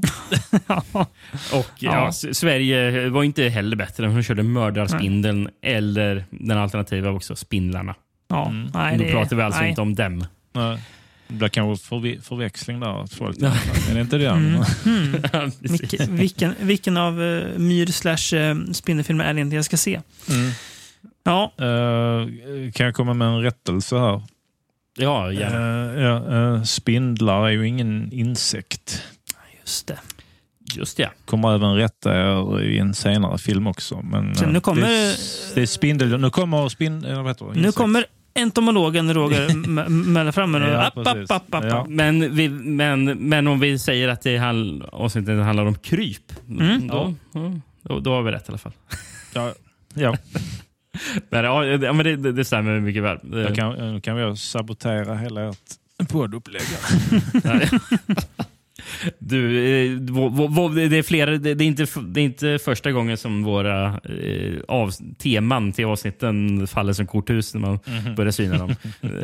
när, man, när man har valt ut ett gäng filmer och sen så inser man bara, fan den här filmen har ju ingenting med temat att göra. Jag sitter och bara när, när du där Roger, så eh, börjar min hjärna gå på högvarv om vad ska vi egentligen döpa avsnittet till. Och då kommer jag tänka på det insomnade svenska dödsmetallbandet Morbus Kron gjorde ju en låt som heter Creepy Creeping Creep. ja, där har vi det. ja, kanske. Kanske får bli att vi... Det, det, är ett, ett, ett alternativ om man ska Ja. sno det från Morbus Kron. Det Eh, kan vi göra. Ja, men jag hittade en svensk eh, VOS då på eh, Spindlarna. Mm. Det står på framsidan. En, en ny sorts fruktan är född. Ett levande kravlande helvete på jorden. Mm. Ja. Och, eh, sen så är det en liten bild också. Det står, och sen står det Du kan bli nästa offer. Du kan bli nästa offer. Eh, Sånt, sånt, sånt gillar man ju. Agfa står det som eh, de som har gjort VVSen. Och då är det inte det, då är det, inte det Ag, Agfa som ger ut eh, gammal amerikansk skräpfilm på. Blu-ray nu för tiden. Det står Agfa J- Jävert AB under. Ja, här kommer handlingen. En ny sorts fruktan är född. Ett levande kravlande helvete på jorden. Du kan bli nästa offer för dessa gill, giftiga krälande spindlar som tycks finnas överallt. Förödelse följer i deras spår med panik, bilkrascher, olyckor, fly, katastrofer och död. Det var felstavat. Det fanns inget G i flygkatastrofer. Eh, det totala sammanbrottet närmar sig. Detta är en ohygglig filmupplevelse som ingen glömmer i första taget. Oj, eh, sen står det också föräldrarekommendationen enligt amerikansk praxis. Filmen är inte, är inte lämplig för yngre tonåringar. Parentes, pre-teenagers. Vilken härlig liten eh, pa- parentes att, att man, man ville få in det, eh, den eh, benämningen också. Ja, och det är roligt att det står en rad under där man skrivit den, den svenska censuren, för det står det barnförbjuden. Mm. Mm. Ja. Ja. ja mm, Sen så kommer det en föräldrarekommendation enligt amerikansk praxis också. Ifall, ifall Mm. man vill köra på lite amerikansk stuk där hemma. Mm. Så kan man välja den. Ja. Man, man kan ju lätt tänka att eh, Emperor of the Ends och Kingdom of the Spiders ska vara liksom, eh, två rätt liknande filmer för att de kommer samma år och de har ju eh, väldigt liknande titlar. Eh, någonting of the någonting. Hade ju inte kunnat vara mer olika varandra. Nästan. Nej, eh, det här är ju... Det här, det här 50-talskänslan eh, finns ju inte här. Eh, dels, eller mycket kanske är också att här är det faktiskt eh, vanliga spindlar, eller tarantellor som är eh, elaka. Inte jättestora spindlar, utan Ja. vanliga Helt vanliga tarantellor som man har man köpt in 5000 stycken och släppt, släppte lös i den här filmen. Så det är, det är många spindlar i den här filmen. Min, Ja. kan säga det, min fru som är rädd för spindlar, eh, hon slutade kolla eh, kanske en kvart in eller någonting. Eh, Mm. hon, hon, hon, hon sa filmen var inte så bra, men eh, ja, vi, vi förstår ju att det beror ju på andra Ja. orsaker såklart. Förmodligen. Nej, men Mm. Det här är den enda filmen som jag... Som, det, det är inte som att jag har en eh, insektsfobi som du pra, pratade om där Nej, i har- början. det- men, det men, du faktiskt men, men, fast jag tycker ju kryp, ja, det, det är äckligt. Ja, men det är ju det är inte, det är, inte mysigt, nej. Nej, och, men, men sen är det vissa kryp är ju äckligare än andra. Eh, Mm. Men just spindlar, och det kanske har att göra med som eh, Roger säger att det inte är insekter, men spindlar inga Mm. problem med. Så bring on eh, tarantellerna. Det, jag, jag har inga Mm. bekymmer med det. Fast det finns ett annat spindeldjur jag har problem med, men det kommer vi till senare. Eh, Mm, insåg jag. Ja, nej, jag tycker... Alltså, den här, här filmen är lite... Jag ty, tycker den, den har två, an, två ansikten. Eh, den börjar rätt eh, väldigt så här, mysigt. Eh, nästan lite så tv-känsla. När den, så här, bara, det är liksom goa livet på landet med, med William Shatner och, och Woody Strode. Jag har skrivit Eh. väldigt mycket tv-filmkänsla. Ja. Men visst är det inte en tv-film? Nej. Nej. Eh, Men det känns mycket så. I alla fall i början. Eh, framförallt. Den, alltså det, den, den gick bra på bio. Eh, den hade Mm. en budget på en miljon dollar. Eh, Box office Mm. 17 miljoner. Ja, det är, det är bra. Det är riktig det är bättre succé, än, faktiskt. än hur, hur det gick för någon av Stallones eh, 00-filmer. Eh, Men eh, väldigt, väldigt makligt tempo i början. Men jag tycker det är ganska mysigt. eh, Men sen eh, får man säga att det drar igång ganska rejält sen en bit in i filmen när eh, de verkligen fattar vilken, eh, vilken fara eh, och hur många av de här spinnarna de, de har att göra med. Och då det, det är som att film, filmen skiftar ton lite grann från det här lite småmysiga som är i början till ja, lite mer att vara en 70-talsfilm. Eh, den blir lite mer så i tonen på något vis efter ett tag. Mm. Men, men, men någonting som, som jag dock... För du sa att eh, till- skillnad från den förra filmen så kändes det inte 50-tal. Jag har faktiskt skrivit Nej. som anteckning att det känns lite 50-tal. Eh, fast av en helt annan anledning till, till skillnad från den förra filmen. Eh, för det, det är när de är ute på, på landet där med William Shatner och eh, ja, vad heter tjejen han är med där? Är Tiffany Bowling, va? Ja, precis. Mm. Ehm, när de är ute och ri- rider omkring. eh, det- Det är så här stora eh, vidder är det och svepande så musik som det, det låter som en gammal western och ser ut som en gammal western. Eh, och Det var någon gång jag tänkte bara fan, fan det, alltså det här känns som en sån här John Ford-western från tidigt 50-tal. Liksom. Och det, det kände jag var väldigt så här 50-taligt. Mm. Mm. Jo, det, jo, absolut. Eh, där, där, där finns det absolut eh, li- likheter där. Men om man tänker rent så här, djurskräcksmässigt så är det inte väldigt, eh, särskilt mycket Se- se- 50-tal. Sen, sen någonting som också bidrog, som, som jag tror kanske var i bland annat i just de här scenerna. Eh, Mm. när, när, de, när det var den där svepande gamla eh, filmmusiken.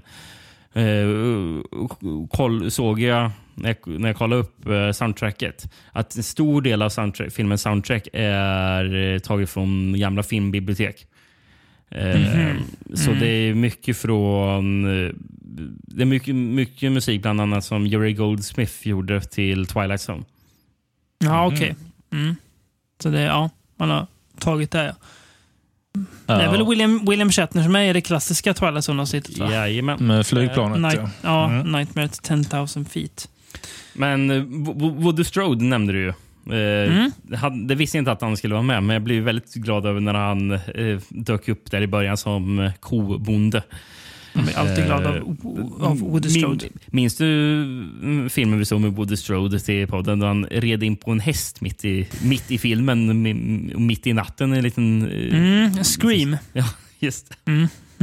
Den, Från men det är ju 81, va? ytterst tama Scream. Ja, precis. Mm. Just det. Han, Det- han, bara kommer från ingenstans. Mitt i natten så bara kommer han in i stan på en häst. Kommer Woody Mm. Strode. Vad fan? Är det den slashern som utspelar sig i någon öde något? Ja, Ja. precis. precis. Som har en mycket bättre affisch än vad filmen är. Mm. Mm. Ja, väldigt, vä- väldigt cool affisch eh, har den. Den här filmen, uh, King of Spyros, känner jag, eh, den, den hade nog inte kommit till om inte Hajen hade kommit eh, två år före. För det är lite, lite samma där med far, något farligt djur och, som hotar den här lilla staden. För det är väl Mm. något sånt här... eh, ja, han nu, eh, mannen ni snackar om, det är väl hans uh, ko som blir biten Mm. i början. Japp, Som, som exakt. är liksom någon sån här favorit till ska vinna den här. Ja, någon utställning eller något de ska Ja, ha. Eller? Någon stor, ja. Mm. Eh, han, ja, det, och det, det är väldigt synd om den mannen. Eh, sen är det väl hans hund också som uh, råkar Japp. illa ut och sen han själv när han kör bil. Mm. Och sen pratar de också, det är någon tjur som han har sparat i sju Ja. år till, säger han. Ja. Som, Ja. Då känner man, nej, har du sparat i sju år till en tjur? Och så bara, jaha. Eh, De hit, ja, nu, nu är vi redan spoilade med att han själv råkar ut för det, här, Woody Strode. Mm. Men eh, när de hittar honom sen så är han ju i en kokong. Ja. Och när de då eh, hittar han då i bilen och öppnar dörren så liksom ramlar hans huvud ut. Och det är ju liksom det är ju direkt från en liknande scen i Hajen. När eh, Mm. ett huvud ramlar ut. Alltså det är samma eff- effekt där. Mm, samma samma liksom skrämseleffekt ja, ja, som kommer. Mm. Ja, jump scare. Ja. Det jag tänkte med kokongerna var att det påminner väldigt mycket om eh, för första säsongen av Arkivex, eh, då det är, de är i en skog, eh, jätte, jätte stor skog där så här, timmerhuggare har börjat försvinna för att det är någon slags spindeldjur där inne som, Mhm. som tar, tar upp dem i kokonger. Mm. Eh, Det är ju typ det bästa Arkivex-avsnittet. Mm. Eller ett av de topp fem. fall. Ett av de bästa. Mm. Jag tänker också lite Hajen-liknelsen Roger, att det här klassiska upplägget att det är en forskartyp som vet att vi måste göra något åt det här. Mm. Men det finns en typ borgmästare eller någon sån polischef som bara nej, nej, nej, det, Ja. här, det här löser jag. Låt mig sköta det här. Jag, jag Ja. vet bättre. Och sen går det åt pipan. Men, men också att filmen inte hade hunnit, hunnit att filmen inte hade funnits om inte Hajen hade funnits. Men så är det ju. Ja. Liksom all, all djurfilm som kom sena 70-talet. Där. Ja, så är det ju. Men eh, var, var liksom Hajen först med det där, med, med den, den grejen? Eller tog den i, sin tur inspiration från någonting Det annat? känns som att Spielberg Ja. säkert tagit det från annat. Eh, Ja, Mm. ja, där var, det, var, en- det var en vanlig grej alltså, i just de här 50-tals Ja, det var det. sci-fi-grejerna. att Mm. Där, där var också någon expert, någon sakkunnig Mm. som kunde, gärna en, eh, gärna en äldre professor som hade Mm. en eh, dotter som huvudperson kunde få ihop en med. Här, här kombinerar de ju lite för hund. kommer vi till sen. Ja, okej. ja. Mm. Ja, Eh. men jag, vet, inte, jag, jag, jag tänker äldre professor som har en dotter som huvudpersonen kan bli ihop med. ja. ja, Eh, ja, just det. Ja. ja. eh, ja men abs- absolut. ja. Det, är nog, det är nog många filmer eh, från 70-talets an, andra hälft vi kan tacka Hajen för. Eh, Ja. Får man säga. Eh, ja, till Till exempel, där- till exempel Piranha, eh, som Ja, eh, den ena absolut. manusförfattaren, Richard Robinson, till den här filmen har sk- skrivit. Mhm. Mm. Jag gillar också det här, det du nämnde om innan också David, med 70-talet som kan ha lite olyckliga slut. Jag gillar verkligen slutet på denna, alltså sista bilden. Ja, Jättecool slut i den här. Ja, väldigt effektfullt slut. verkligen bleak ending. Ja. Ja, verkligen. Sen, jag, jag har ju någon bild av William Shatner. Jag har inte, inte sett mycket Shatner alls, inte sett något Star Trek överhuvudtaget.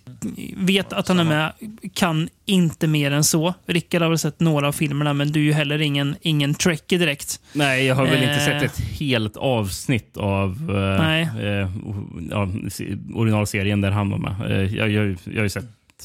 Är det, är det första och andra Star Trek-filmen jag sett? Tror jag. Filmen, ja. Men eh, vi har ju sett honom i The Devil's Rain bland annat, är, är med eh, Men det känns mer som att han har blivit någon slags lite så här nördkultfigur och man, man tänker att William Shatner är liksom, ja, eh, att han mer är William Shatner-persona än han är skådis. Mm. Ja. Eh, Men här, här tycker jag han är, eh, tycker han är väldigt eh, karismatisk, funkar väldigt bra i huvudrollen. Jag tycker att han är lätt att liksom eh, tycka om som huvudperson och liksom hänga med. Eh, Mm, ja, jag tycker han funkar mm. riktigt bra. Ja. Så jag fattar ju när jag ser den här filmen varför han var liksom en, en, en stjärna eh, då. Eh, Alltså, som man kanske inte fattar om man, om man inte har sett så mycket med honom. Om man bara tänker på honom som den där gubben som var med i Star Trek. Mm. Eh, och är het bland nördar. Men jag tycker han funkar bra. Sen tycker jag, jag tycker där, återigen blir det effektivt att de använder spindlar. Eh, jag har heller ingen jättespindelfobi, det är väl ing- inget favoritdjur så, men jag tycker det blir liksom, det blir någonting mer när det är så mycket spindlar eh, och ibland är det så satans mycket spindlar. Och att det faktiskt är spindlar eh, som de här skådespelarna har på sig, tvingas ta i och sådär. Men det är någonting som... eh, Jag jag har till exempel inte någon som helst fobi för ormar. Nej. Jag tycker inte minst äckligt med ormar. Men har du en hög med ormar som Mm. kravlar, då blir det äckligt. Ja, då blir det något an- annat ja. Men, men så är det med många djur. Eh, eh, alltså, som inte alls är äckliga egentligen. Men, men, som bara, men har du en, en svärm av djuret så... när det, när det, när det, när det blir det här, eh, det här, Mm. eh, liksom le, det här levande massan, då blir det ganska äckligt. Precis. Eh, Och jag, jag, jag tror det egentligen har mer med det att göra. Mm, eh, jag att tror man också. Det är äckligt med spindlar eller någonting. Det är ju kul att den här filmen ju inte har det där eh, No animals were harmed dur- during the production of this film. Mm. Att de, de har det inte i den här filmen. Att Det De stämde det. ju inte. Nej. Will, William Shatner har, har väl sagt att ja, det var ju ganska många spindlar som gick åt under den här filmen. Ja. Jag kommer, kommer tänka bara på lite snabbt det här med att det blir äckligt i, i en mängd. En stor massa. Det finns ett väldigt bra exempel på det. Eh, och Det är i början på ett avsnitt eh, av um, eh, tv-serien Better Call Saul. Eh, för, för då ser man i så här, extrem så här, makro eh, närbilder. Får man se eh, en, en, my, en myra som klättrar upp för en glass som håller på att smälter. Och sen så ser man en till myra. Men man, man får bara se myrorna så här själv gå och krypa. Liksom. Så bara, bara, det ser inte äckligt ut. Det ser häftigt ut. Man bara ser myran. Det äcklas inte det minsta av den. Eh, Och sen så bara kommer lite mer. Bara, ja, det blir lite mer när det är massor med myror som kryper.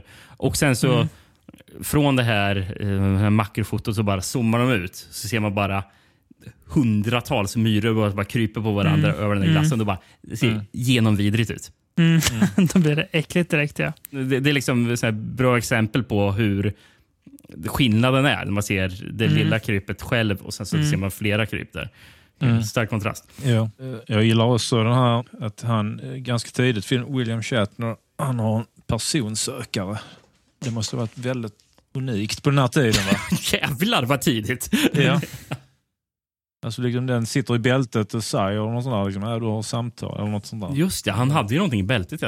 Tänkt- jag glömde bort det. Eh, Men, men, men, men jag minns att jag först när jag såg det bältet, jag tänkte, vad fan är han har där för någonting? Eh, En mo- mobiltelefon eller? 77. Samtidigt som han rider med ett lasso på häst. Så han liksom, Precis. Precis. Nej, men eh, David eh, sa ju när vi började prata om filmen om eh, vad var det, 5000 spindlar. Eh, och Sen så hade de en del gummimodeller också som de använde dessutom. Men de här spindlarna, tarantellerna, för att få, fånga, få ihop alla de här 5000 så erbjöd de ju mexikanska spider wranglers att eh, fånga taranteller. Eh, och, och för varje levande tarantella de fångar skulle de få 10 dollar. Eh, Så det gick ju på eh, runt eh, 50 000 av filmen, filmens budget bara för att fånga ihop alla de här eh, spindlarna.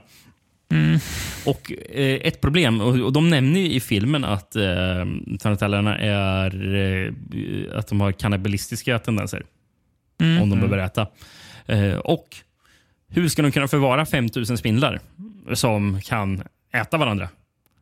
Jo, de behövde ha eh, separata eh, lådor eller vad fan de hade de i. Liksom. 5000 olika för att kunna för, för, Det förvara dem. är ett jäkla projekt att ha det också. Men, eh, hur såg det? Hade de hyrt något stort jävla lager där de bara hade spindlar? Det tänkte jag också på när jag lä- läste den faktan. Att hur satan liksom rent praktiskt ordnar man med de här lådorna till de här spindlarna? Det, det hade man velat sett en, så här behind the scenes-foton på. Hur, hur spindelsamlingen såg ut. Och tan- Taranteller är ju väldigt eh, skygga. Är de. Eh, Så de attackerar ju inte människor. Så hur ska de få dem att ens röra sig mot människor? För, för ofta när de försökte filma dem så bara... Tarantellerna gick ju åt andra hållet för de vill inte gå nära människan. Liksom. Nej, så de fick klart. ha lite små fläktar som fick dem att bara uppmuntra dem att kanske röra sig i den riktningen. Där är ju en scen eh, där man ser den, här kullen där eh, det kryper ut spindlar ifrån. Alltså, man verkligen ser att eh, de släpps ner från ett rör. För det är, vet, de verkligen tvingas ut. Den där Spider Hill, Ja. hillen ja, som han har på sin, sin eh, farm. Men när vi pratade förut om um, William Shatner. Um, Jag kommer att tänka på... han eh, sa ju i en intervju med Fangoria mm, 98 eh, att han jobbade med...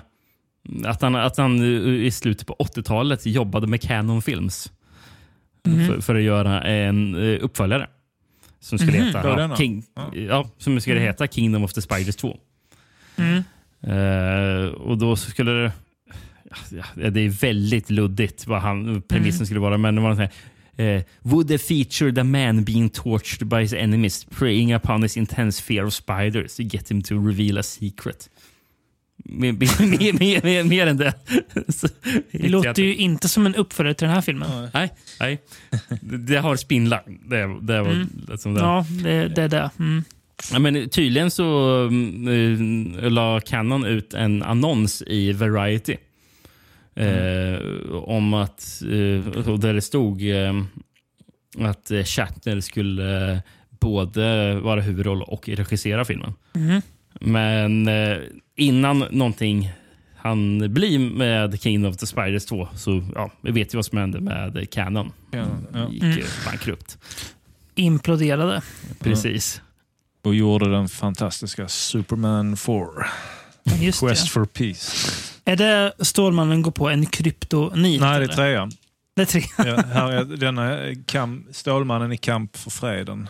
Eh, Ja. Men det var en sån, den hade väl den hade, väl en hyfsad hög budget men så hände väl något med Canon. Så de halverar ju budgeten på den. Och den Ja, ja. Effekterna, alltså den ser gräslig ut. Är det en, en, en dålig film där eller? Ja, Ja, okej. där står, eller jag har läst, jag, jag har inte läst hans memoarer men tydligen i Christopher eh, Reeves eh, memoarer så står det då eh, ett kapitel då om då, jag tror han bara skriver så här, eh, inge, i, inget om Superman 4 är värt att nämnas. Punkt. Nämns ingenting om det. Nej. Han, han, hade en, han, han var ändå väldigt involverad i den fyra, alltså hade sådana story credits. Att eh, Stålmannen skulle, det var någonting med då, kärnvapen, missiler och grejer. Men eh, nej, stort misslyckande. Mm. Jo. Eh, jag insåg ju förresten en grej när jag gjorde research om filmen att eh, fan, man borde djupdyka mer i Woody Strodes eh, karriär och liv. Mm. Han verkar ju ha haft en, ett, ett ordentligt liv. Verkar han ha haft. Mhm. Eh, Ge oss några nuggets då. Ja, några nuggets. Han, eh, eh, 1936 eh, till olympiska spelen i Berlin eh, så sk- sku, skulle han... Det skulle ju först vara någon utställning med atletiska porträtt. Skulle det vara. Mhm. Och Då så eh, poserade Woody Strode för ett nakenporträtt där. Det, blev ju, kom ju givetvis inte med eftersom han var svart. Eh, Ja. Eh, Men det var någonting han gjorde där. Eh, Han spelade ju amerikansk fotboll i college. gjorde han. Och sen så Mm. när andra världskriget bröt ut så fortsatte han spela. Så och efter när han kom, kom hem där ja, så var han en av de första afroamerikanska spelarna. Mm. Eh, han spelade i, alltså, som i eh, National Football League. Han spelade Mhm, för mhm. Los Angeles Rams 1946. Mm. Eh, in, ingen svart man hade spelat i NFL från 33 till 46. Oj. Och då var han den, den, Eh, den allra första alltså. Och 1941 vad började uh, Woody Strode också hålla på med. Brottning. Mm. Så han uh, höll på med professionell brottning också Mm. samtidigt. Senare också, eh, ja, han var gift med en prinsessa också. Alltså, Mhm. Eh, prinsessa från Hawaii. Eh, eller mm. släk, släkting till eh, si- den sista drottningen av Hawaii.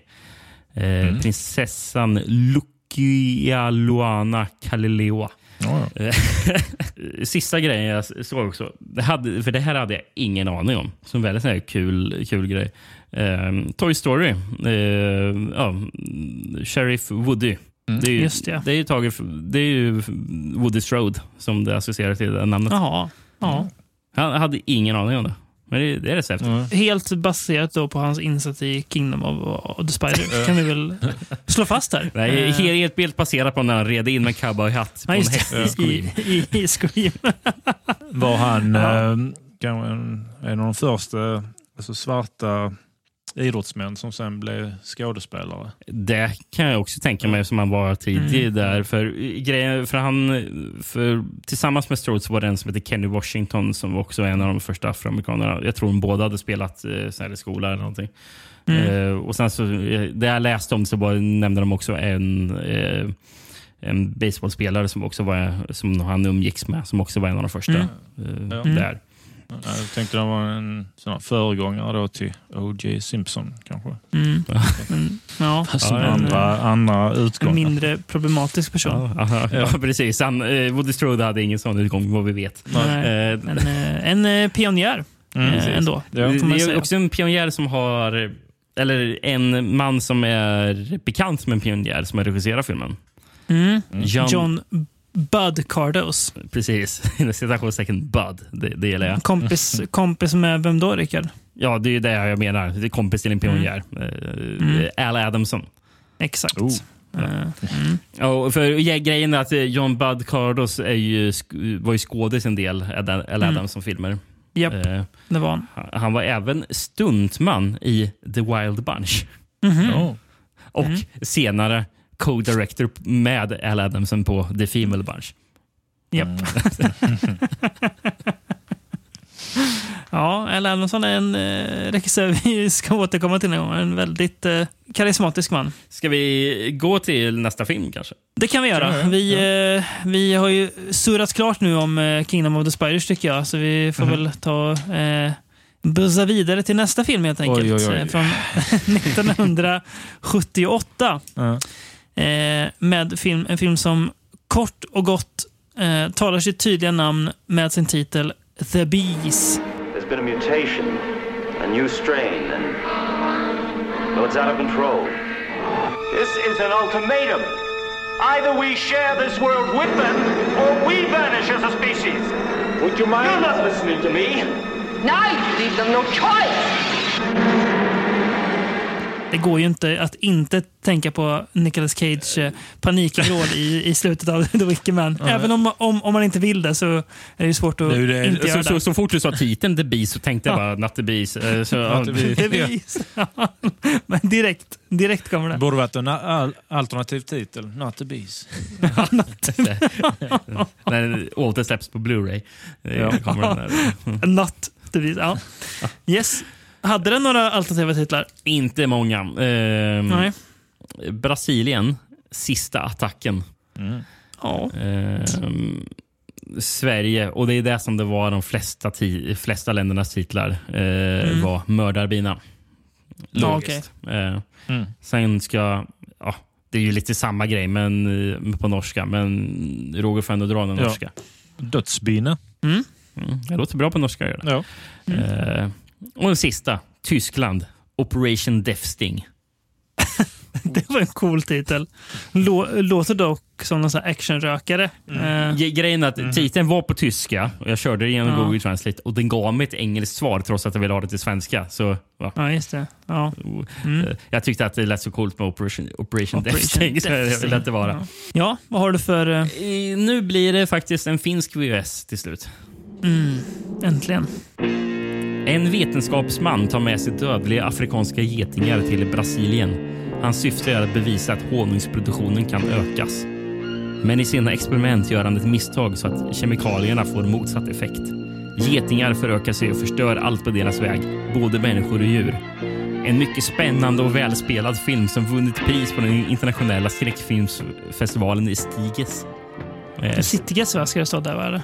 Det står Stiges, fast det kanske var min Ja, översättning. som det, måste, det måste vara den där Sitges-festivalen i Portugal. Ja, är det, måste vara ja. det. Ja. Mm.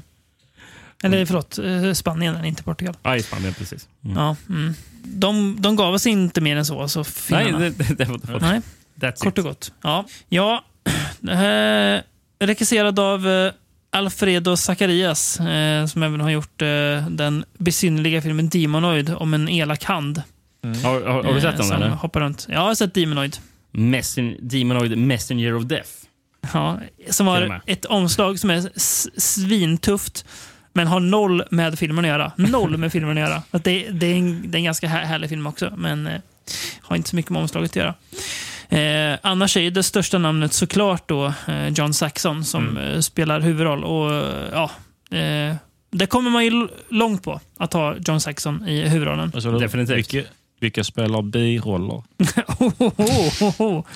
Jo, eh, som då den här eh, forskarens dotter som vi hintade om förut har vi då Angel Tompkins. Eh, men framförallt som forskaren har vi då den på 70-talet ständigt förvirrade och medverkande i flera L. Adamson-filmer, John Carradine. Eh, han ser alltid ut som att han inte riktigt vet eh, var, han är. han är. Även så här. Han, eh, han har en uppsyn som är, det är nästan som man känner, var det verkligen etiskt rätt att låta honom göra film? Jag tänkte på uh, John Carradine när han dyker upp i The Howling. Eh, så jävla Så jävla, så jävla vi- vilsen är han. Han är väl, här är han en um, tysk vetenskapsman. Ja, just Och, eh, det, där, ja. det- Sigmund Hummel. Ja. Liksom, o- oerhört eh, inte övertygande som tysk. Eh, det var emell, emellanåt bara liksom, just det, bryt på något. Jag, ska, jag ska bryta lite, ja. Som de kallar honom. Just det. Apropå Hur- hur är det biroller så har vi också som Dr. Mm. Miller har vi Claudio Mm. Brook som är en mexikansk eh, skådis. Mhm. Han såg jag David i, ett, två, i två filmer i ett avsnitt. I Alucarda Mm. och eh, Mansion of Madness. Jaha, han dök upp där alltså. Jag tror det var han som var Mm. huvudpersonen i Mansion of Madness om jag inte Mm. minns fel. Han, han ser väldigt bekant ut. Den vilda, vilda Mansions of Madness.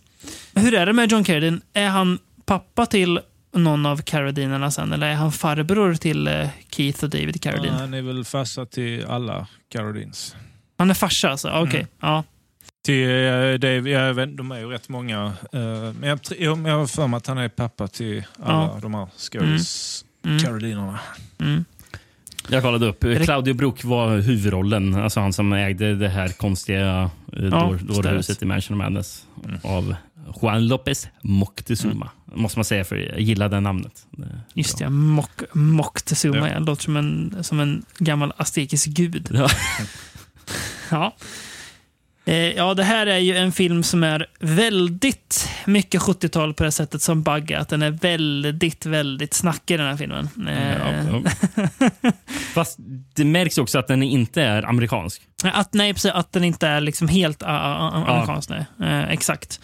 Nej, för den är... Den, är, eh, den har dels en väldigt charmigt men också väldigt styltigt skådespel från väldigt många eh, skådespelare. Framförallt de här människorna som dyker upp när, när vi får se slumpvalda människor bli attackerade av bin. Där det är ofta väldigt styltiga Ja. skådespelarinsatser. Men det är också väldigt styltigt i just dialogscenerna. Det, det, Ja. får, man ju känna liksom, det känns lite så här italienskt. Som att Ja. bara, det här skulle kunna vara italienskt. Det är ju- Och, eh, och, framför, och jag gillar um, där de är i eh, FN-huset. Representanterna, där är, ing, där är ingen som övertygar som att de verkligen är representanter för de här länderna. Nej, det, alltså, den scenen är så jävla Ja. dålig. Är den. så det är skrattretande den faktiskt. Det, det, det är så övertydlig dialog också. Bara, som man ska bara, de, de bryr sig inte om oss länder, våra, våra mindre länder. Och, eh, alltså, det, bara, det är ingen som pratar som de gör. Det är också en väldigt ro rolig scen när, när eh, Saxon, Tomkes och eh, Carradine är i det här labbet och kollar på någon video som de, de, de har spelat in. Eh, där eh, Tomkins då, då gör lite så här roliga, typ att hon gör lite så här pussminer. Så, här. så jäkla då, konstig stämning. Att typ Carradine sitter och, och garvar lite framför, framför skärmen och sitter vid och bara allmänt. Det är så himla, himla stelt bara. Ja. Jag gillar Väldigt, eh, filmen börjar med väldigt svängig intromusik till massor med Mm. klippbilder av bin som åker omkring i bikuper. Det, det gillar jag. Jag var väldigt positiv i början.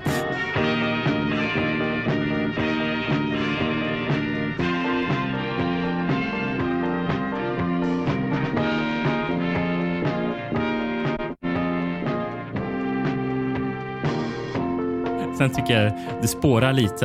Eh, det, det, alltså, grejen är att eh, ju längre jag kommer in i filmen så inser jag så intressant är det inte att kolla på massor med bin som håller på och surrar omkring. i- Nej, det så bara, det händer ingenting. Det är bara... Jag vet, det är en ganska ofokuserad film också. Det känns liksom inte eh, riktigt som att den eh, vet vart den ska. Den svänger lite i sitt narrativ. Eh, och det är eh, kul också när, man, när eh, de ska så här, stegra bi- bikatastrofen sen, när de slänger in uppenbart stock footage på plan och helikoptrar som, som störtar till, till följd av eh, att eh, mina härjar. Ja, det är... De har ju också mm, mm, något stockfootage som de använder på presidenten Gerald Ford. Ja, det, Ja, när han glider på en bil där. Och För, Ja, det- för då var det att bin attackerar paraden fast eh, Ford eh, klarar sig. ja. såklart han gör. Och sen eh, ri, ringer ju Jimmy Carter, presidenten, upp John Saxon också. Fast det är ju en skådespelare. Japp. Ja. Som var, vars, eh, vars kontor verkligen inte ser ut som en presidents kontor ska göra. Alltså, grejen, när du beskriver den scenen, då låter det som att, jaha, är det här en parodi? Ja. det, det, det, låter, det låter som att det är, Ja. eh, fan, är, är det nakna pistolen? Eh, Ja, precis. Som, som, som, som det här är på något sätt. National Lampoon. Ja, men just eh, men den är ju en intressant grej för just de här eh, spoof-filmerna, där var det ju liksom seriösa skådespelare. Som Nakna Pistolen, vi har ju George Kennedy där som eh, kollega till Leslie Nielsen. Ja. Och Leslie Nielsen var ju seriös innan. eh, Ja, precis, ja.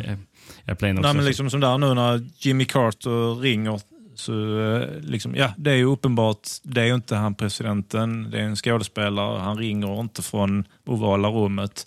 Men John Saxon sa ju liksom, thank you miss, alltså du vet, verkligen liksom som att det är han. Och det är liksom... Han eh, det spelar gör- så här straight face. eh, Ja. Men grejen är också att filmen har ju väldigt mycket konstig och märklig humor. Mm. som inte direkt landar. Det är ofta just scener med John Saxon och eh, hon... Eh, nej, och eh, eh, John Carradine också. Eh, När de spelar loss. Eh, alltså det känns ibland som... Fan, det är outtakes från en sitcom från 70-talet. Eller, det är någon gång till och med när de drar något skämt och så kommer det lite så här putslustig musik till det. där. Vad Ja, fan är och det, som det händer? funkar så jäkla dåligt de här skämten också. Det Mm. landar noll, verkligen. Och så den, eh, den scenen är också märklig i början när hon, eh, när hon tjejen kommer till eh, det är väl New York. Så går hon ju in i en hiss och förföljs av två skummisar som överfaller henne. Men så råkar de öppna hennes väska och så sticker de här bina ut. Och sen blir det liksom Ja. inte mer med det. Det är bara liksom Det bara är, ja. jättemö- ja. Det är ju samma sak, den riktigt dumma scenen när Jo- John Carradine med, med flit välter den här burken med insektsflämmen. Ja. jag, var, jag, jag var tvungen att spola tillbaka den scenen för att se, välter han verkligen burken med flit och varför gör han det? Och Tittar man på John Carradine då så ser man att han nästan flinar lite. Så det är nästan så jag tänker så här, är det något så här, så här demensanfall han får där John Carradine och bara vill liksom busa lite med dem som är där. Det är så himla, himla märkligt bara. Eh, Men vi har ju alltså regissören Alfredo eh, Zacharias. Då. Det var ju inte han som var tänkt som regissör först, utan det skulle ju vara Jack Hill. Så då hade vi förmodligen haft en helamerikansk film. Då antar jag. Men det är väl eh, Alfredo Zacharias idé va, från början, den här filmen. Eh, Kanske det, för, för jag fattade det som att Jack Hill började skriva manus på den. okej. Eh, och, eh, och skulle sen regissera den själv. Men sen så Mm. behövde han eh, dra sig ur. Jag vet Mm. inte varför. Men han blev ersatt av eh, Zacharias. Zacharias pratar, han, han, när han pratar själv om filmen så säger han att eh, tanke, hans tanke med filmen var alltså verkligen så echo horror-budskap. Att det är vi, det är vi, vi som Just- förstör jorden. Ja, just, ja, det, stod, det stod faktiskt någonting om att eh, han hade kommit på idén för han fick en, Ja. när han fick en burk med honung av sin son. Ja, han fick en burk honung av sin son och så bara, fan vilken film man kan göra av detta. Så himla roligt. Jävla långsökt. Annan, var eh, annan kul, kul trivia. Det var ju Roger Corman som tog på sig att eh, distribuera filmen. Eh, och eh, det fick ju Warner Brothers nys om. Jag vet inte om, om det var att de skulle släppa The Swarm då, eh, eventuellt. Men de, de kände att ja, det är inte så bra för någon av oss om det kommer två bifilmer tätt in på varandra. Så de betalade Corman eh, en summa, eller ja, bolaget då, för att de skulle skjuta på premiären av filmen.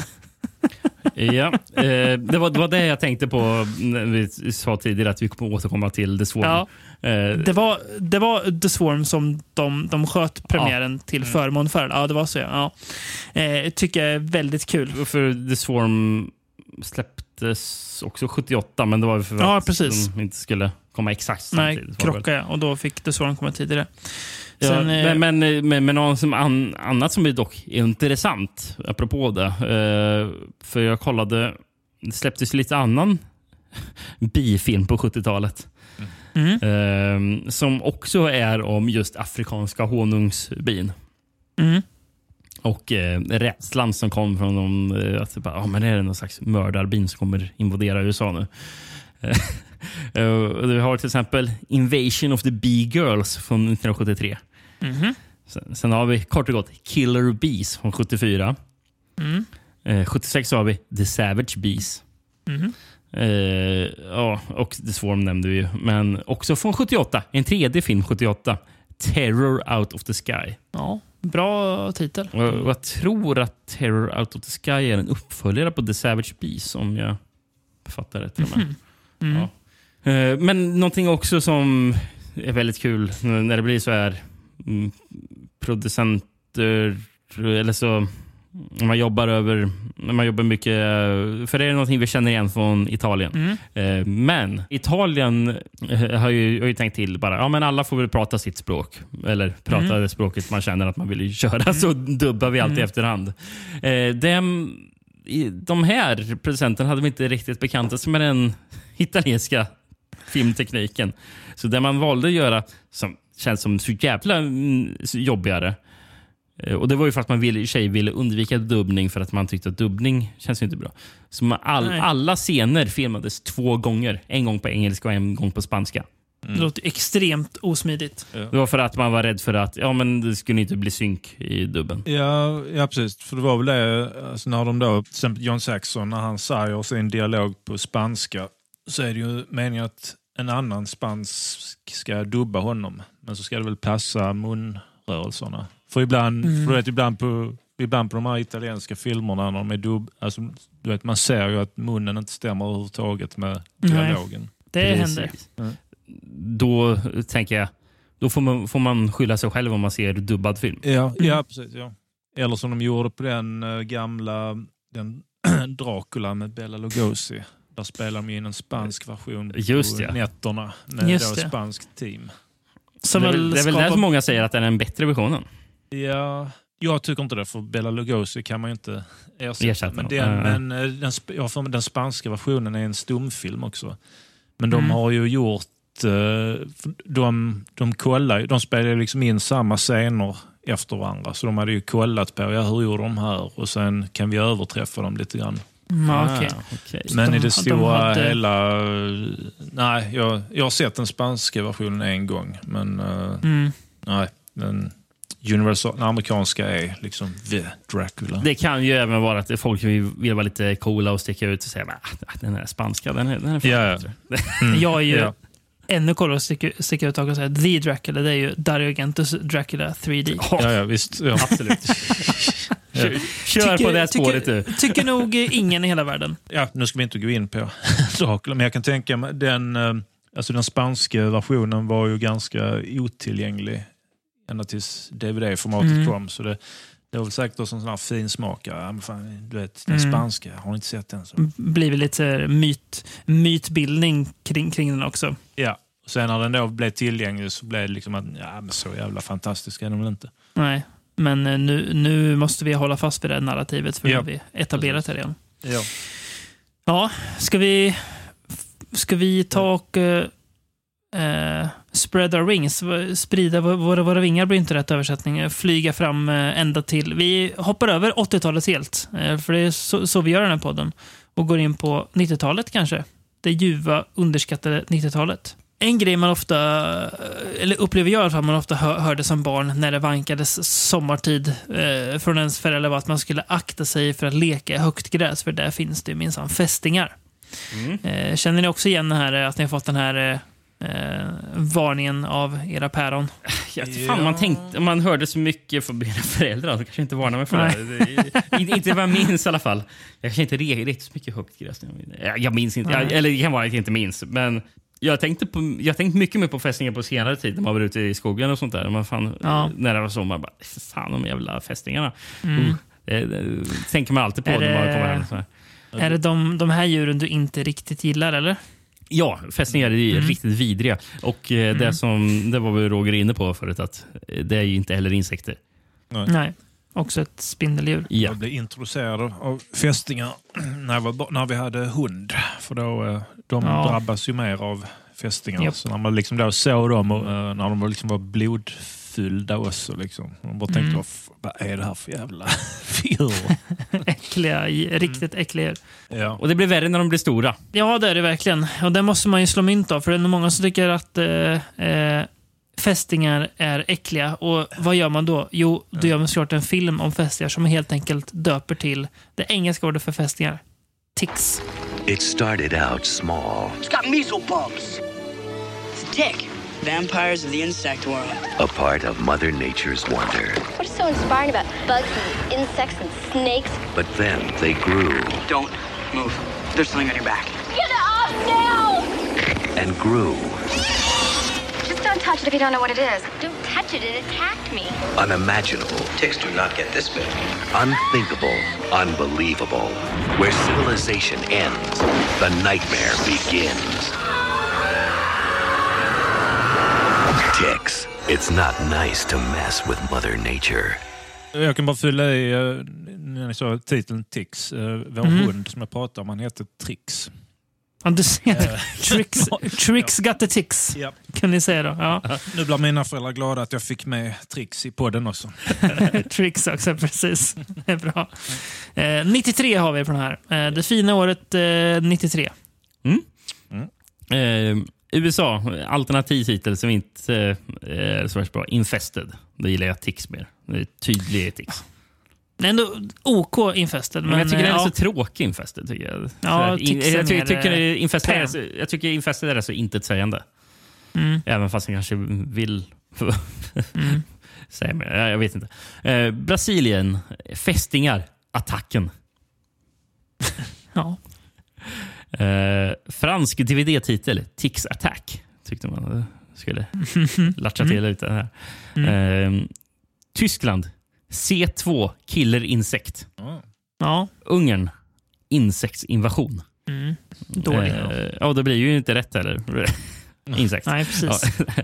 Eh, Italien, Tix, blodlarver. Ja, också fel. Eh, och Roger får dra den norska här då. Mm. Eh, det heter då skogsflott. Eh, som jag, som jag, nu är det kanske jag som är rent fel på det i översättningen, men på svenska ska det då vara skogssticka. Och när jag Mhm. googlar på det så får jag upp då räknesticka. Den så kallade skogsstickan som användes för beräkning av kubikmassan på träd. Jag, jag gissar att det är jag som är på fel spår. Men... Eh, jag gissar på det, jag med, tror jag. Och sist eh, har vi Sverige med Blodsugarna. Mm. Det är så bra. Eh, Jag vill minnas att den till och med, att, för den här filmen har jag minsann hyrt på Film och Fabel. När jag var Jaså? eh, att, den, att den hette Tix, Blodsugarna. Ja, alltså, precis. Ja, precis. Men, Mm. eh, men, men, men så är det många eh, när man ser de svenska VHS att det står alltid den amerikanska titeln också. Mm. Eh, brukar det ofta göra i alla fall. Men eh, apropå blodsugarna, då ska vi inte blanda ihop eh, med fladdermusfilmen Fangs som också var 90-talet va? Det är mer än vad jag vet. Jag tänker bara på den här, eh, på den här filmen Bats som kom på 90-talet också. Batch tänkte jag också på. Ja. Mm. För det finns en film som heter Mm. Fangs med Corbin Burnson.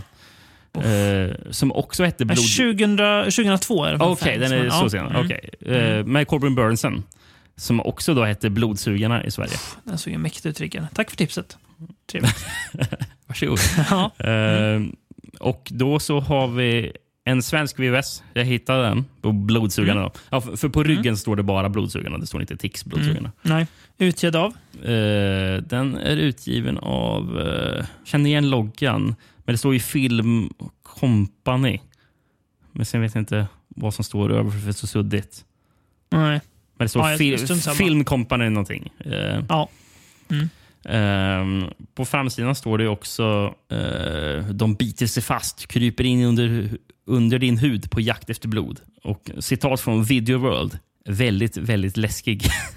Och från fina Video Home Entertainment. Eh, en extremt underhållande mardröm. Mm. Och sen står det också på framsidan. Av rysarregissören till Huset som Gud glömde och Hellraiser 2.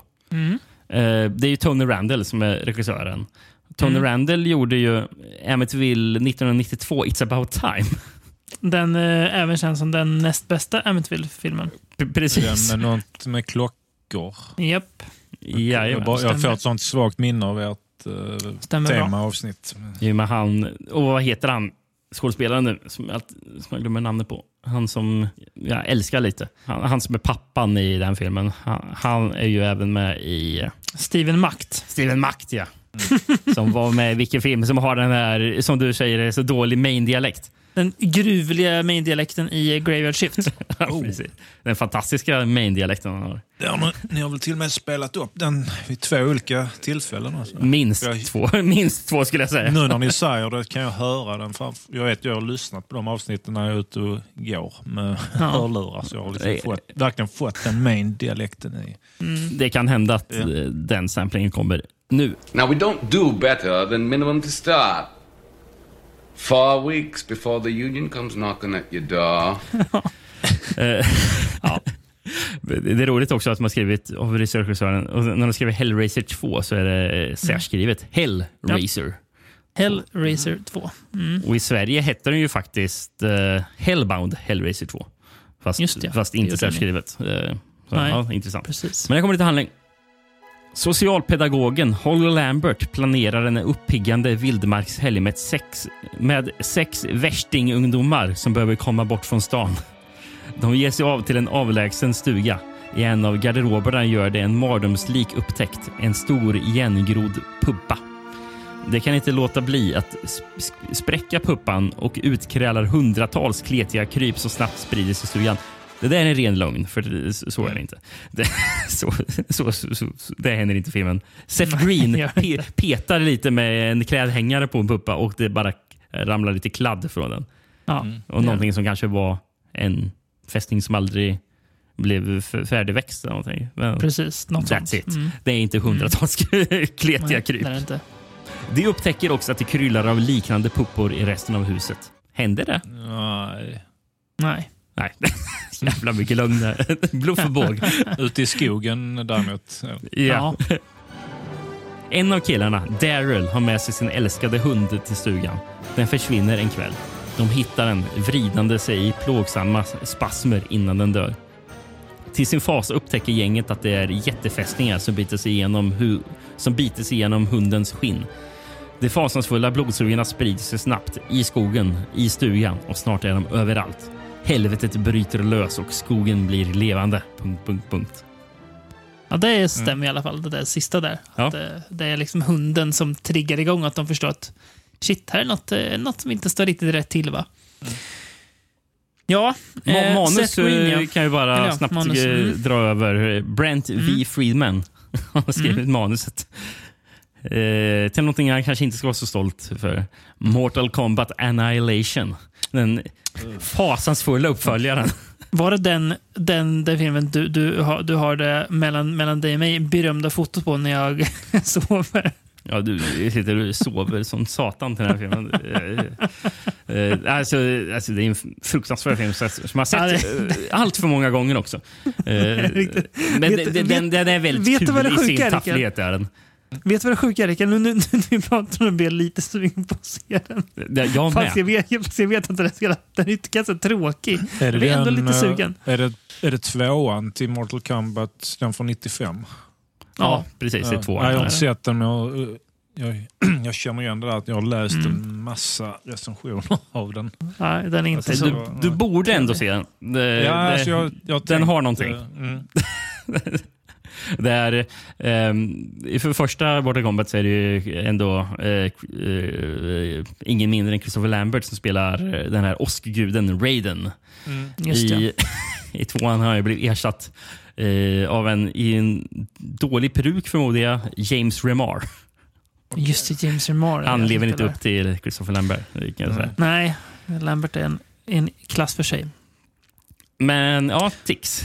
Mm, Tix ja. Eh, Seth Green näm- nämnde du. Eh, Mm. Med den här lite bortglömda 90-tals skräckkomedin Idle Hands. Såg någon av er den när den kom? Eh, nej, jag, jag har sett den senare. Om Mm. att de han är med där, Devon Sava. Alltså, Ja, som Var precis. sån Som, eh, 90-tals Som var, han var känd, känd för tre saker. Ja. Han var känd för att han var med i den, i Final Destination och i musikvideon till Eminems Stand. Just det. Sen så eh, liksom försvann han bara, eh, Ja. Deon Sava. Eh, Vad gör han nu jag, då? jag jag tror inte att den är så här mörk historia. Jag tror bara att han, han, han, han, fick, han fick ing, inga, inga roller. Det är väl kanske li, li, lite mörkt, men det är liksom inget så här, eh, alltså, eh, knark eller något så här mörkt så. Utan han, han fick bara inga, inga roller, tror jag. Ehm, eh, sen har vi ju då såklart... Den- är med i 16 avsnitt av Chucky-tv-serien.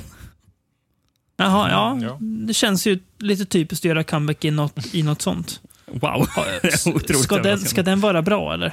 Har man hört något Jag, om jag, den? jag frågade ju det till dig för några avsnitt sedan. Ja. Du hade Jag är inget så svar. gal, nej, jag är så eh, galet osugen på den efter jag har att inte sett. Don, Don Mancini har ju Ja. inte direkt eh, ro, rosat med de senaste Chuck-filmerna. Både du, både du och Rickard tillhör ju den minoritet som tycker att eh, remaken eh, är ju den bästa onda dockufilmen som kommit på väldigt länge. För du gillar det. Du, ja, vi, den, den gillar vi båda två. Ja, ja, ja, ja, ja. Ja. Alltså, när Mark Hamill är rösten till Chucky. Ja, just det. Precis. Jo, just men det, den, där, har, ja. Mm. den har jag för mig, alltså, den såg jag på bio. Ja, Mm. mig den var liksom, Det gjorde vi alltså, också. rätt trevlig skräckis. Vad en onda dockufilm borde vara. Eh, Devon Sawa var med i den där Hunter Hunter från 2020. Jag har för mig att jag nämnde den i årsbästa Det gjorde du. avsnittet. Då. Ja, Eh, en sån en sån titel som har, som har satt sig. Mm. Men han har, Ja. han har inte gjort mycket mellan Nej, eh, har inte Stan, musikvideon som står med eh, på IMDB och eh, nej, det är bara lite då och då. Han är med här, Ja. en roll i NCIS. Eh, Los Angeles. Des, rent det, det säger ganska mycket att man är med i den. Eh, Den Fred Durst-filmen The Fanatic med John Travolta i huvudrollen. Mm, det måste vi se. Det måste vi se. Vi har ju några, några fler skådespelare som måste eh, nämnas. Vi har ju såklart då Apropå eh, att vara väldigt 90-tal. ja, Alfonso Ribeiro, ja. Eh, från, eh, som är Carlton i Fresh Prince. Det är- han- det är Otroligt nog. Han, han, han, har, han har typ bara varit med i typ fyra filmer. Jaha. Det är mest Ja. tv eh, annars. Ja. Ja, Han- och han dansar, alltså musikal och så. Jaha, okej. Men Det är han, han specialiserar sig på. Jag fattar när jag kollade upp eh, Alfonso Ribeiro. Han har ju gjort en stor karriär att vara med i Dancing with, the Stars. Mm. Ja, Och så populär. leder han väl här Candid Camera. just ja, just ja. liksom Eh, You're on candid camera. Men eh, Just det var, det var faktiskt det var faktiskt där lite mitt eller försäljningsargumentet till att jag såg Tix från första när den släpptes på video 93. Mhm. För, jag Du ville se Carlton? Nej, ja, alltså jag, jag såg ju... eh, Jag följde ju Fresh Prince i Bel Air. Mm. Eh, Men min kompis då som hyrde Tix, eh, jag, visste ju att det var en sån här fästing, skräckis. Mm. Så bara det var ju spännande i sig. Men han hyrde den och så hade han sett den. Så frågade han om jag ville komma ur dagen efter och se den. Så ja, absolut. Sa han då liksom, Carlton i Fresh Prince är med. Okej. Han, är, han är ond. Han är, han är en sån här eh, värsting. Och jag tänkte, va? Carlton? ja, precis. Men eh, ja, han Ja, tycker han funkar som värsting. Ja, men det, Eh, var och liksom, på tal om- det, är sånt man inte riktigt tror på när man först hör. Nej, jag vet. Verkligen inte. Och på tal om ni- 90-talsserier, eh, Rosalind Allen, eh, som var med i en del i Seinfeld också, dyker upp i den här eh, filmen. Är det hon som är the, the, the low talker? Eller? Eh, ja, jag tror det. Just det. alltså, ja. Är det hon Ja. som orsakar att han måste gå i en sån här piratskjorta? Ja, det är, det är the Eh, talker. Där. Ja, han precis. går med. Ja. Ja, precis. Ja. Tänk att det finns människor som inte tycker Seinfeld är kul. Det är, Det är skamligt. Eh, det, det, är ändå, det är ändå fascinerande att det finns människor. Alltså, ja. Ja. Sen har vi såklart då eh, kungen och eh, hans far är ju också med såklart. Ja. Eh, The Real Clint och pappa Rance Howard är ju också med. Eh, Rance Howard är inte med mycket. The real Clinton. The Real Clint, ja precis. Clint Howard. Eh, otroligt eh, härlig den här filmen. Eh, Mm. han, han ser ut att ha så otroligt kul med den, eh, den eh, rollen. Han har. Han, får ju spela loss. Ja, Eh, det är ju han ja, som, ska, som skapar typ de här fästingarna. Ja. Va? Det är väl steroider eller något sånt där va? han, ja, han steroider för att göda Mariana-odlingen som de har där ute. Det är, det är en jättekonstig scen där de dissekerar en av de här fästingarna för det är ju någon eh, expert på... Jag vet inte riktigt Mm. Japp. vad hon är expert på. Men, Eh, någon veterinär. jag veterinär, ja. Precis. en veterinär. Ja. Hon dis- dissekerar en fästing och eh, bara, det är någonting... Det är någonting konstigt med det här. Och sen så, eh, och och man ser bara massor med kladd Det är bara Japp. slem och kladd eh, Japp. som, som man får se. Och, eh, eh, sen lyfter, så, så doppar de typ fingret och så här, luktar lite. bara. Ah, det, nu vet jag vad det är. Det är steroider.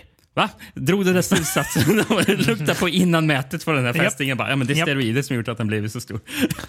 Säger hon inte till och med då så eh, det är steroider till sånt som används för marijuana guy. Att Ja, ja det är något till och med. Så hon är så pass insatt i det att det används till det också. Att hon är så himla specifika på Ja. det. Ja, det är Ja, det är otroligt. väldigt fascinerande. Han som, han som sp- spelar förresten, ehm, han som... ehm, eh, för du nämnde ju uh, Rosalind Allen, för det är väl hon som Mm. ja, håller det här eh, Japp. med de här besvärliga ungdomarna. Yes. Eh, och sen så är hon tillsammans med eh, Charles Danson, heter karaktären, som spelas av Mm. Peter Scolari. Apropå lite 90-talsgrejer. Eh, han eh, spelar pappan i Älskling, jag krympte barnen-tv-serien. ja. Det det är en jävla nedgradering från Rick Moranis. Där. ja, verkligen. Det får man säga. Men eh, apropå allt kladd, för den är ju otroligt kladdig den här filmen. Eh, så- Väldigt kladdig. Och, och jag, jag, det var nästan att jag, jag, jag väntade med det innan jag ens slog på filmen. För jag, jag, jag har inte sett den här tidigare. Nej. Eh, och eh, men bara, Det är 90-tal. Det, det kan nog vara så kladdigt. Och sen så var ett av de första namnen jag ser, så executive producer eller någonting, står det Brian Justna. Ja, Eh, Jag, jag förstår det. Eh, det jag, hade, jag hade kunnat tro att det var Brian Justna som gjorde filmen. Det, Det hade inte varit orimligt om det är... Det är väl att det, den, den, den är lite för eh, rakt på sak. Just nu brukar jag ofta eh, försöka väva in lite så här skums symbolik. Tänker på totalt flippade Dead Night 4. Eh, som också är insekter i. det är det. Det är Och det jag, satt sannerligen. också, jag satt också och tänkte just när jag såg filmen med allt kladd och effekter så, här, så tänkte jag eh, det, det känns som det är den här eh, specialeffektsstudion som Vet ni vilken det är? KMB eller? Ja, precis. Jag fick Mm. verkligen en KMB-känsla och sen eh, Mm. under eftertexterna så stod det ju mycket riktigt är det de. Ja, de var med och, Det är Nicotero och vad Ja, heter han? eh, Kurtzman, Kurtzman och Mm. Ber- Berger. Ber- Howard Mm. Berger. Ja, just det. Eh, och det kändes direkt, eh, det här är KMB, det här är kladdet. Ja. Det är- Och det stod också Det att eh, eh, han som typ ansvarar för specialeffekterna i filmen stod det som Doug Beswick. Dog Beswick, ja precis. Vad har han gjort mer då? Det vet jag inte. Var han med i dem? Nej, han är inte med i KMB, men jag, jag, jag, jag, jag tror att KMB fanns typ inte här, men att, att, att det var de, att, att, att de jobbade Nej, mycket ihop tror jag. Jag har för mig att det stod KMB i eftertexterna. Ja, det kanske gjorde det. Eh, men eh, Doug Beswick har ju gjort eh, Aliens och Terminator har han jobbat på, så han har Ah, jobbat på okej. eh, lite större film sen Ja. innan. Eh, nej, jag men- tror att det är nej, han men som har eh, designat själva eh, fästingarna. Okej. Okej. Att, eh, Eh, Nej, att men för det stod att Beswick. Doug Beswick skrev manuset, Mm. originalmanuset till den här filmen, Mm. tv- två årtionden tidigare. Ja, jag vet du när han, han fick idén? Nej. Eller hur han fick idén? Han var ute och campade 1971. Kom Oj. han på idén. Så precis som du säger, 22 år innan. Mm. Eh, och han ville egentligen eh, att eh, fästingarna skulle vara ännu större. Eh, Men eh, de märkte det när de, när de gjorde, liksom började göra specialeffekter att ah, det blir nog svårt kanske att, att liksom göra det och få dem att funka så bra så, Ja. som de gör. Jag skulle säga att de är perfekt stora för de, Ja. de känns liksom som på något sätt någon sorts trovärdig mutation. Att så här, om fästingar skulle muteras och bli större så det här skulle vara den liksom perfekta storleken för att vara riktigt äcklad av dem. Eh, Ja, alltså det, det, känns, det känns realistiskt på något sätt. Alltså, Ja. eh, man, alltså man kan verkligen känna det här att få, en sån på sig. Liksom, Ja, ja. uh. Ja, för de är, de, är, de är stora men de är liksom inte så gigantiska. Eller ja, jo. Det, inte, inte alla i alla fall. Eh, Eh, eh, vi vet förresten vad manuset hette från början som Doug Beswick skrev. Nej. Cycle of Blood. mm. Mm, det är så bra tycker jag. Ja, ganska bra. När de erbjöd Rosalind Allen filmen och eh, ringde henne och läste upp eh, filmens titel. Vet ni vad hon trodde att de sa då? Nej. Ja, eh, vill du vara med i... Vi, skulle du vara intresserad av att, att eh, vara med i, en film som heter Tits? och hon började så här... Ursäkta? Eh, nej. Nej, jag precis. Det hade, hade, hade varit något. Eh, sen var, det, det var ju inte en helt eh, problemfri produktion heller. Det, efter ett tag, eh, när de hade filmat en stund, så bestämde ju en av producenterna eh, att eh, byta ut massor av eh, de som jobbade på filmen. Men eh, verkar ändå råda ganska samstämmiga eh, eh, omdömen om att det var kanske bra för att det, det gynnade filmen i slutändan. Att det blev liksom bättre. Eh, jag, och jag, jag tror inte att det var liksom ur, ur hjärnorna. Dog, Dog Beswick och de byttes inte ut utan, att det var liksom, ja, lite annat folk man bytte ut så att det skulle gå smidigare tror jag. Det, jag tror att, ja, om jag har förstått så blev det bättre. Mm. Sånt är annars eh, rätt mycket varningssignal att oj, nu byter man ut massa folk mitt under. Eh, det brukar sällan eh, betyda bra saker. Men eh, det här är ju det här är min favorit i det avsnittet skulle jag säga. Jag tycker att det här är en, eh, ja, ja, det här är eh, ren, nästan perfekt, bara underhållning. Eh, jag tycker den är så här, ren underhållning, ren eh, film med glädje. Finns väl kanske också lite någon så här, lite throwback till 50-talet, men på ett helt annat sätt, för den är också väldigt mycket 90-tal. Otroligt eh, 90-tal mm. det här st stora djurgrejen. Jag tycker att det är väldigt bra tempo. Eh, jag tycker att effekterna gör ju väldigt mycket. Det är ju otroligt bra effekter i den här. Eh, mm. de här fästingarna är riktigt äckliga och allt det här kladdet är, mm. ja, men, som du sa eh, i början Roger, att mm. det, gud, vad, gud vad praktiska effekter alltså, mm. objektivt är bättre. Ja. Eh, Eh, än, eh, det skulle aldrig liksom gå att gö göra den här filmen lika bra med Nej, CGI. Och den eh, står, på grund av det, den håller ju väldigt bra även idag. Alltså effekterna är Ja. fortfarande liksom äckliga. För att de, är, de är inte datagjorda utan det Nej. är liksom, det, så skulle det sett ut om det hade varit i verkligheten. Så- Ja, ja precis. Det är liksom så, så nära vi, vi kommer Ja. hur, eh, hur stora fästingar ser ut. Är- Eh. enda Jag kanske har som invändning, eh, jag, jag, jag gillar filmen, men Mm. när ni pratar om effekter, jag tycker nästan det blir lite för mycket fokus på just effekterna. Eh, Mhm. Så att bara, ja, mm, resten då av filmen. Det är bara, nu ska vi ha långa, långa scener där det bara är kladd.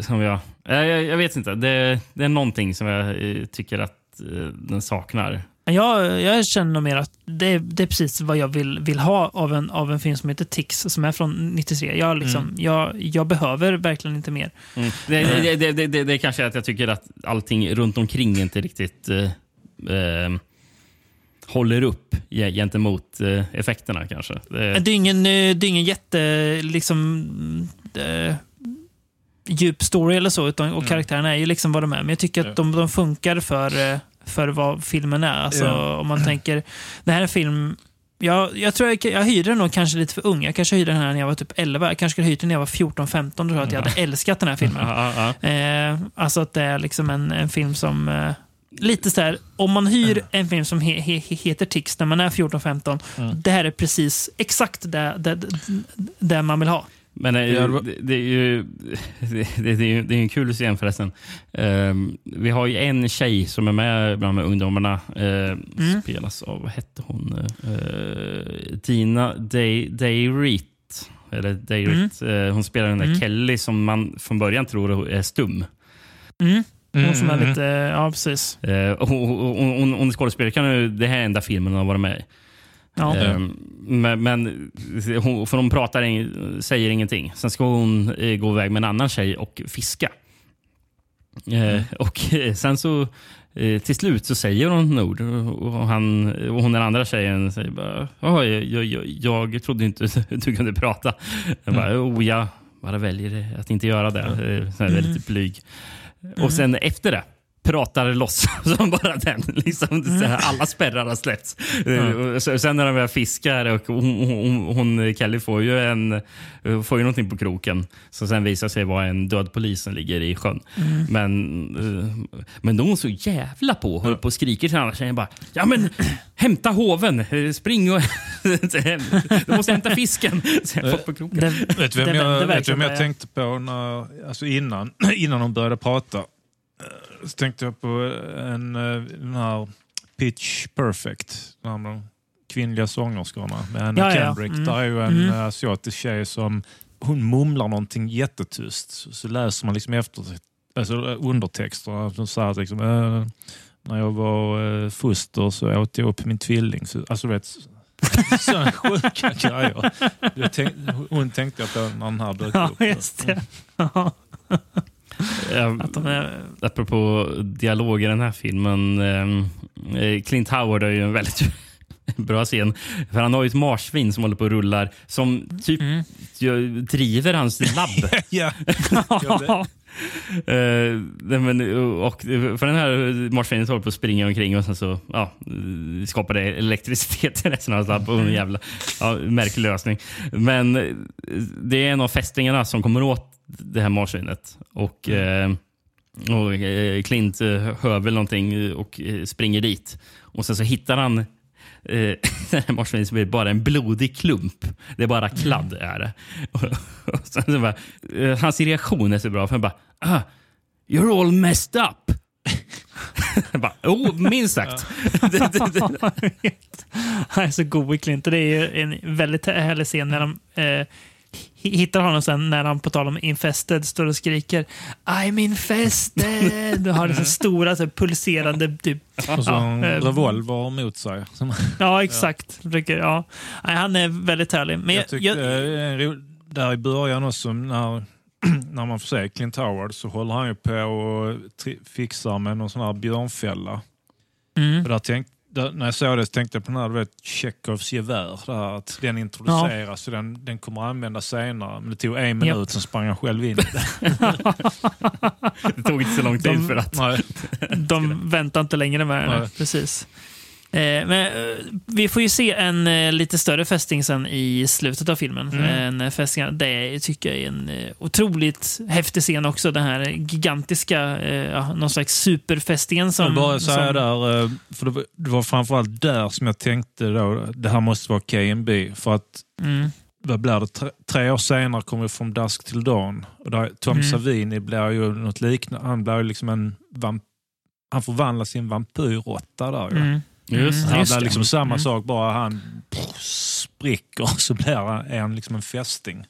Mm. Eh, Och jag, och jag tror, alltså, jag vet ju inte hur pass mycket denna har influerat från Dusk Till Dawn, men den, har- den har, det blir lite samma stuk där också, att de är fast alltså inlåsta i en stuga och, all, och det liksom attackeras utifrån hela tiden. Mm. Lite Night of the Living Dead. Ja, Mm. Eh, säkert lite- Den börjar som, har vi eh, kanske börjar som lite Ja. sån här grej som, som kanske är lite det som får mig att tappa filmen lite. För, för, för jag har insett att när filmer blir uh, urartar till att eh, sista akten blir ja, nu är det ett gäng fångade på en liten plats som bara ska ja, slåss mot monster. Det är svårt att göra det bra. Det känns som det gjordes väldigt mycket sånt efter Dog Soldiers. ja. Eh, för sista akten i Dog Soldiers är ju bara att de är i det här huset och sen så är det varulvar som... Ja, precis. Och, och det är den grejen som jag... eh, Det blir lätt att det blir väldigt repetitivt, Mm. tycker jag. Eh, när, det är bara, okej, nu, nu är vi fast. Nu ska vi bara eh, slåss mot de här monstren. Då, då krävs en del för att det ska hålla, eh, tycker jag. ja. Ja, Jag tycker att det, att, det, att, det, att det funkar då också. Men det finns mycket jag gillar. Alltså effekterna som sagt. Mm. Och sen så, jag, jag gillar ändå en del av många karaktärerna. Gör jag. Mm. Alltså, Carlton är ju ändå... Ja. Eh, alltså, jag, jag tycker han är överraskande bra. Jag, hade, jag förväntade Mm. mig inte så mycket när jag såg honom i början. Jag bara, okej. Men jag trodde också att det skulle vara ganska svajigt skådes, eh, skådespeleri där, men jag tycker han eh, funkar. Det är en scen där han, jag tycker han spelar riktigt bra. Det är ju när han hittar eh, sin hund. Mm. Eh, och när han kommer tillbaka och han har en scen när han pratar och han gråter och eh, alltså verkligen så här eh, förskräckt över vad som har hänt Mm. hunden. Och bara där, alltså, han spelar jättebra där. Ja. Ja, alltså jag Mm. håller med. eh, Och det är liksom och det är ju uppenbart också att hans karaktär är ju egentligen inte den här tuffingen. Ju. Det är bara liksom en roll som den karaktären har. Och så, och så alltså man fattar ju det här också. Han, han är ju väldigt på, han är nu Seth Greens karaktär, alltså med hånande och sådär. Men liksom man, Mm. där växer, alltså man fattar att han ändå har respekt för honom. Mm. Mm. Alla, alla som har eh, varit i kontakt med fästingar vet ju att man kan inte bara dra ut dem så lätt. Och de exploderar inte när man eh, tänder fyr på dem. Sådär. Men när han tar, när Seth Green tar bort den fästingen från Carltons, eller Panic som han kallas för, Mm. fästingen från hans hund. Så där, där ser man ändå han får en sån här första att ah, jag gillar den här ändå. Men jag ska ändå Mm. håna honom. Mm. Mm. Ja.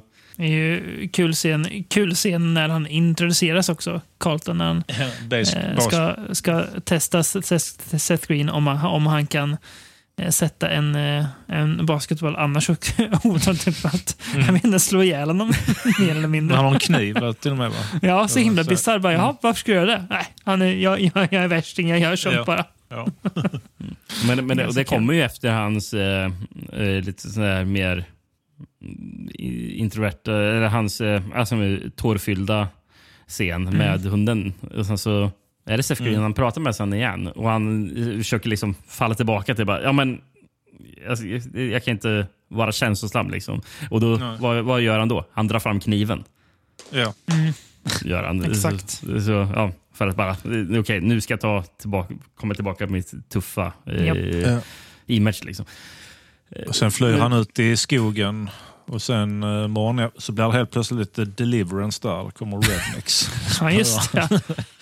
De där, Ja, men det är eh, rednexen, det konstiga i filmen. Där. Det kon- Ja, väldigt märkligt. Konstiga Jag karaktärer. hade förväntat mig lite banjo-musik på ljudspåret där, men. Tji fick du. Ja, hela den här eh, Mariana odlar-supplotten är ju märklig, men eh, ja, den är ganska kul också. För den, eh, alltså filmen vet ju också rätt mycket om vad den är, men utan Mm. att för den delen bli liksom en, en parodi. Eh, Det är ju en fin balans att vara... Hade, hade Tix gjorts på 70-talet, då hade det varit sån moonshine de hade tillverkat istället. Ja. Japp. ja, precis. Och så hade på n- något vis ru- runnit ner i, Ja. I eh, jorden och eh, skapat med stora fästingar. Nej, men en, eh, en, en väldigt festlig film det här, får man ändå säga. Ehm, Ap- Apropå Som, grejer som var, vi pratar om att det är mycket som är 90-tal med filmen. Någonting som också är Mm. 90-tal i musiken. Um, Mm. Jag kollade upp vilka som gjorde musiken. Det är Christopher L. Stone och Mm. eh, Daniel Licht. Eh, Daniel Licht är klasspolare, eller han var klasspolare till Christopher Young. Mhm, mm. Um, apropå, apropå Hellraiser. Va? Ja. Och um, Daniel Licht har ju även gjort musik till Amityville, It's about time. Ja, du ser. Och Children of the Corn 3, Urban Harvest. Uff, den, den, eh, den kanske bästa Children of the Corn-filmen. Och, Nästan. Och kul nog, äh, apropå James Remar. Mm. Han, han, han, Daniel Licht har även gjort ledmotivet till Dexter. Jaha, ja, du ser. Där James Remar spelar eh, Pappan va? pappan, ja. Just det, mm, precis. Och så eh, 90-tal Tix också. Alla har ju kläder som är två storlekar större än vad de egentligen ska ha. Japp. Det har de också. Men ska vi hålla oss kvar i 90-talet och eh, sväva ett år framåt kanske till eh, eh, något som faktiskt är en insekt då. Ja. Eh, som eh, har vingar också. Som, om, som väl också är en så här allmänt eh, illa omtyckt eh, insekt. Även om folk kanske inte är rädda för den så är det inget man direkt tycker är mysigt. Nej. Eh, också ett so sommardjur. Jag tänker framförallt eh, om vi har några norrländska lyssnare så är ni ju säkert bekanta med myggor. Gissar jag på. Eh, förhoppningsvis är de väl inte lika stora som de är i Mosquito från 1994. From the producers of The Blob and Prince of Darkness, and the special effects wizards behind Evil Dead 3, Hard Target, and Batman Returns, comes the science fiction film of the year. It came from another galaxy. It transformed one of Earth's smallest insects into a bloodthirsty swarm of terror. Now, five people brought together by fate will confront their worst nightmare. They will fight to survive and battle the ultimate enemy. Man, the late show doesn't get any better than this. Inte så många titlar på den här. Ehm, hittade Blood Fever och Night Swarm. Mm. Eh, I övrigt var det bara Mosquito. Ja. Behövs inte mer. Nej, nej precis. Filmens uh, snyggaste sån här tit alltså när, när titeln dyker upp på skärmen. Uh, ri, riktigt snyggt tycker jag.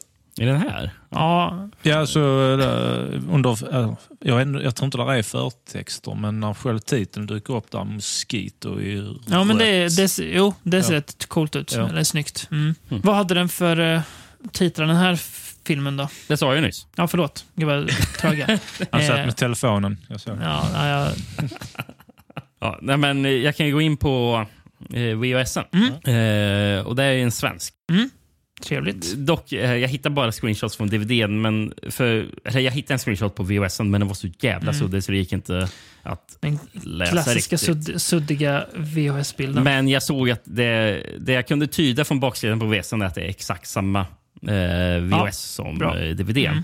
För det är ju inga mindre än House of Horror som har släppt den här DVDn. Satan. eller VHSen. Roliga nu när jag bara själv snabbsökte på Mosquito sven- svensk, svensk VS så dyker det upp om det, om det här bizarra svenska tv-programmet Mo- Mosquito. Kommer ni ihåg det? Med han, eh, Det ringer någon snubben? riktigt vag klocka. Eh, det känns som du borde ha koll på Roger. Du känns som en som har bra koll på så här kuriosa. Alltså, med, med, med, med han Thomas Gylling. Riktigt märkligt program. Alltså, heter det Mosquito? Ja, Jag måste kolla. jag har att det var ett väldigt gapigt program. Eh, Jag ser om jag... det är kul att han på Instagram heter at Thomas Mosquito. Ja. Nu ska vi se. Mosquito var ett tv-program. 98. Inget du känner igen? Eh, nej, det här ringer Nej. ingen klocka. Nej. Ja. Si sidospår. Ja. Sidospår, sidospår. eh, men House of Horror, det kan ju bli eh, rätt så kul, för det brukar det ofta vara. Eh, Kan, kan, är inte sällan de, de har bristande grammatik där, så vi hopp, hoppas att de bjuder på det den här gången också. det första som står, det är ett citat, ja, det är ett citat från Fangoria. De, som står “Från skräckens kronprins”. Ja. Jag antar att de menar att, eh, att huvudrollen är Gunnar Hansen. Det måste ju, det måste ju vara det. Det kan ju inte vara någon, någon annan de, de menar är Nej, för jag tänker, eh, de kan inte mena regissören Gary Jones som har gjort Boogeyman 3 och Spiders från 2000. Borde ju inte mena han, nej. Eller Crocodile 2, Death Swamp, som en uppföljare på to Toby Hoopers Crocodile från 2000. Swamp. Mm, mm. Dess, ja, nej. Som har, eh, Toby Hoopers Crocodile har en av de sämsta datoranimerade krokodiler jag sett på film. Riktigt gräslig. Det låter ändå lite lockande, Roger. Du, kan- du, du kan inte säga sådär, vet du. Ja, men den går, du vet, dataanimerad krokodil där. Den, du kan inte bräcka hans praktiska krokodil i Eaten Alive. Oavsett hur stel den Nej. är. Men den är där, så att säga. Sidospår på regissören Ga- Gary Jones. Eh, han har även regisserat en film jag vet att David har sett. Jaså? Hur mycket minns du av eh, filmen Jol Jolly Roger Massacre at Cutter's Cove? En film jag la- la- laddade ner från DC++, eh, typ när du och jag lärde känna varandra. Tror jag Det är därför jag vet att du har sett den. Mm. För Jag minns att du pratade om att du skulle se den av de jävla... Det sjuka är att det var en, en pirat-slasher. Jag minns att det är en scen när, när, när, när här piraten går in på någon strippklubb och det är en, en tjej som liksom kör lite så här lapdance mot honom och, och, och, och säger eh, Is that a... Fasen när hon säger eh, Sable in your eh, pocket or are you just happy to see me? Och han drar ju fram sin, sin sabel liksom. Ah, it's, a, it's my sable. Och sånt där. Jättedåligt. Oj. Ja. Nej, jag, jag tror inte att den eh, är så bra. Eh, jag, Från typ 2006 eller någonting sånt där. Fyra, någonting tror jag till och med. 2004 tror jag till och med. ja. Någonting. Ja, där Eh, kring. Men, men, men sen så hittade jag sist, det sista jag har på Gary Jones här. Mm. Men jag, jag hittade någonting som spännande. Han, han gjorde en film 2021 som heter Escape from Death Block 13. Jaha. Mm, det låter som eh, man försöker anspela på andra titlar. va? Mm. Men jag upptäckte någonting som jag inte visste fanns. Vi har haft ett avsnitt som handlade om eh, Bruce Exploitation, som var Bruce Lee Mm. rip-offs. Mm. Där det var skådespelare som liknade Bruce Lee. Escape from Death Block 13 är Bronson Exploitation. För Jaså? i den så finns det... eh, Jag har aldrig hört talas om det här, men det är otroligt fascinerande. Det, finns, det är en skådis som... För jag reagerade först på omslaget. Bara, va? är det Charles Bronson? För det var det jag så- såg på omslaget. Ja, 2021, ja. Charles Bronson. Va? Eh, Jävlar, ja. Eh, Oj, men, satan. men, men, men då är det en skådis som heter Robert Bronzy. som, Jag är är, inne och kollar nu. som är en ungersk skådis som är sjukt lik Charles Bronson. Han var. han, eh, och, eh, han har ju tydligen gjort lite Bronson exploitation som bara spelar på att han är väldigt lik Charles Bronson. Så han har gjort filmen Death Kiss. Som har, ja, det är typ omslaget till Death Wish. Här. Eh, och sen så har han även gjort filmen Once upon a time in Deadwood. Och ja, Charles Bronson är med i Once upon a time in the West. Så. Ingen Ja. eh, har inte gjort någon variant av den frillon telefon. Var det inte med Charles Bronson? Nej, det, Just det hade varit lite för eh, obskyrt för att göra en rip-off på. Verkligen. Telefon. Ja, men jag, jag, jag går tillbaka till VHSen där. Mm. Yes. Ehm, ren skräck står det också. Uh, citat från Cinefantastik. Mm. Ehm, tagline. Miljoner år av utveckling har just blivit mänsklighetens värsta mardröm. Eh, från teamet som gjorde specialeffekterna till Batman Returns, Evil Dead 3 och Darkman. Och tre uppdragssäcken efter Darkman. eh, Jag trodde först att det stod att det var specialeffekterna till Darkman, Darkman 3. 3. Eh, Men här kommer handlingen från House of Horrors eh, utgåva av eh, Mosquito. Science fiction blir skrämmande verklighet. Hur många gånger har vi hört skrämmande verklighet? Eh, det, För många, många gånger skulle jag säga. Står inte det på typ alla House of Horrors? Eh, Jo, det, det känns som det. Jag bara tänkte, är det, blir inte lite motsägelsefullt? Science fiction blir skrämmande. Alltså, det hörs ju ordet science fiction. Precis, fiction, ja, exakt. ja. Mm. Jag tror inte att House of Horror tänkte så långt, Roger. Det hade varit väldigt kul att göra något reportage om de som drev det. För att där har man undrat vad är det för folk som jobbade där. Det är väl eh, Charles Aperia heter han väl? Det är väl han, han som har fortfarande det här skitbolaget Horse Creek som typ fortfarande... Jo då, de är igång. De är det? Det hade ingen Ja, aning om att de igång. fortfarande Jo, fanns. de är igång. Eh, det är också... Horse Creek Entertainment har en stark position på marknaden och är känt för högkvalitativa filmer och serier i katalogen. Apropå det, eh, jag antar att det står på de flesta House of Horror, men att det står ansvarig utgivare, verkställande direktör. Ja, det gör det. Det är väldigt vanligt. Va? Det säger ingenting. Ja, jag återgår till handlingen. Gör jag. Ja. Science fiction blir skrämmande verklighet i en park full av oskyldiga campare när horder av muterade moskiter att- attackerar utan varning. En liten grupp överlevande kämpar en desperat kamp mot tiden och skräcken när de försöker fly från den blodtörstiga svärmen för att varna resten av världen för den ofattbara faran den står inför. Ledda av ett ungt par och en tuff regeringsagent inser de snart att deras enda chans är att konfrontera de blodtörstiga jätteinsekterna. En kamp de måste vinna. För sin överlevnad och för mänskligheten. Punkt, punkt, punkt. En blodisande blandning av sci-fi och skräck. Mosquito! Mosquito! Avslutar de med det? Mosquito. ja, det stod, det stod i handlingen. Ja. Tänker på hur, hur han ropar torso i trailern. Ja. Mosquito! Torso. Det här är en film som är eh, också väldigt mycket 90-tal på ett lite annat sätt än eh, eh, Tix var.